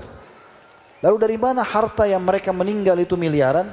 Pendapatan yang datang beberapa hari sebelum mereka meninggal karena rutin bersedekah. Itu Contoh misalnya, dari empat orangnya saya pilih Sa'ad bin Ubadah. Sa'ad bin Ubadah itu punya satu gudang harta besar sekali. Dan dia punya anak bernama Qais, terkenal. Qais itu terkenal orang dermawan karena ayahnya dermawan gitu kan. Saat ini bilang sama anaknya Qais, "Hai Qais, ini hartanya ini hartanya ayah, ini gudang hartanya ayah. Sedekahkan sesukamu." Dia bukan larang anaknya jangan sedekah, jangan bantu dah. Ini harta ayah habisin, sedekahin. Maka si anak sama ayah ini setiap hari sedekah terus. Mereka punya memang harta, punya kebun kurma, punya segala macam. Tapi keberkahan datang dari mana? Dari sedekah ini. Mereka selalu sedekahkan tiap hari. Sampai saat sama Kais ini tiap hari naik di atap rumah mereka. Karena belum ada pengeras suara kayak kita sekarang teriak-teriak. Wahai penduduk Madinah, siapa yang butuh bantuan? Silakan datang ambil. Gandum, kurma, keju, madu, sembako kalau kita sekarang. Silakan ambil. Orang semua berbondong-bondong antri dibagiin. Kemudian siapa lagi yang butuh utang piutang? Datang utang. Awalnya sedekah semua, utang belum, tapi dia setelah sekian tahun dia membantu sedekah, lalu dia bilang sama anaknya, Hai Kais, semua pahala sedekah sudah kita pernah ambil. Makanan, minuman, pakaian, tunggangan, rumah, wakaf, tanah, semua sudah. Ada yang belum kita cari pahalanya. Apa itu? Kata anaknya Kais, kita belum pernah dapat pahala dari utangkan orang. Sekarang kita teriak panggil orang utangin. Teriak-teriak, wahai muslimin sampai mau utang silakan. Datang orang utang. Sepakat jatuh tempo nanti. Saat biarin Begitu jatuh tempo, orang ini datang bayar dia mengatakan kami tidak akan terima lagi apa yang sampai sudah keluarkan jalan Allah. Jadi dia maafkan. Jadi ada tenggang waktu dapat pahala dari utangin orang plus dapat pahala dia sedekah karena memaafkannya. Karena itu teman-teman sekalian gudang saat ibn Sa'ad ibn Ubadah tidak pernah kosong. Hari ini habis disedekain, besok datang lagi datang dari mana? Disedekain lagi begitu terus. Begitu terus tidak pernah habis. Jadi harta mereka, mereka raih nikmati di dunia. Mereka makan, mereka minum, mereka punya tunggangan, mereka punya rumah, mereka silaturahim keluarga, mereka bisnis, mereka juga sedekah dapat pahala. Dan pada saat mereka meninggal, mereka meninggalkan warisan yang melimpah. Yang datang beberapa hari sebelum mereka meninggal. Jadi bukan dari tabungan. Ingat, Islam mengajarkan pangkal kaya sedekah, keluarkan. Kapitalis mengajarkan pangkal kaya menabung. Ketemu nggak? Nabung sama sedekah. Ketemu nggak? Enggak, karena nabung simpan, sedekah keluarkan. Islam bilang sedekah kamu akan kaya, oh kapitalis mengatakan nabung kamu akan kaya. Oleh karena itu mulai sekarang teman-teman di sini pulang bubar jangan belikan celengan anak-anak kita. Ngajarin mereka bakhil. Taruh uang simpan, itu nggak ada gunanya. Kalau kita belikan dua celengan anak kita dua orang bersaudara, maka begitu kita kasih seribu seribu rupiah, Mulai hari itu dia mulai pelit. Kakaknya sentuh celengan adik, adiknya akan marah. Bahkan kita orang tuanya pegang dia akan marah. Yang benar kasih uang jajan, nah nanti kalau kamu istirahat sekolah, traktir teman kamu ya, ajarin sedekah dari kecil. Itu pangkal kaya. Nah ini solusinya insya Allah teman-teman sekalian. Mudah-mudahan apa yang kita bahas hari ini bermanfaat buat kita semuanya. Dan Allah jadikan sebagai ilmu yang bermanfaat, tambahan amal saleh buat kita. Dan semoga semua yang hadir di acara kita ini offline ataupun online. Dan seluruh teman-teman jajaran pengajar dan juga pendiri dari pesantren ini. Semoga seluruh hajat kita dunia akhirat dikabulkan oleh Allah subhanahu wa ta'ala. Seluruh amal saleh yang pernah kita kerjakan, sunnah atau wajib yang sedang kita kerjakan, yang akan kita kerjakan sampai menjelang ajar nanti diterima dengan pahala yang sempurna dan semoga semua dosa kecil ataupun besar sengaja tidak sengaja yang pernah kita kerjakan Allah Subhanahu wa taala maafkan dan ganti menjadi pahala dan semoga pun kalau ada pelanggaran dan aib Allah Subhanahu wa taala tutupi dan semoga Allah menyatukan kita semua di surga firdausnya tanpa hisab. Mari satukan dalam majlis ilmu yang mulia ini.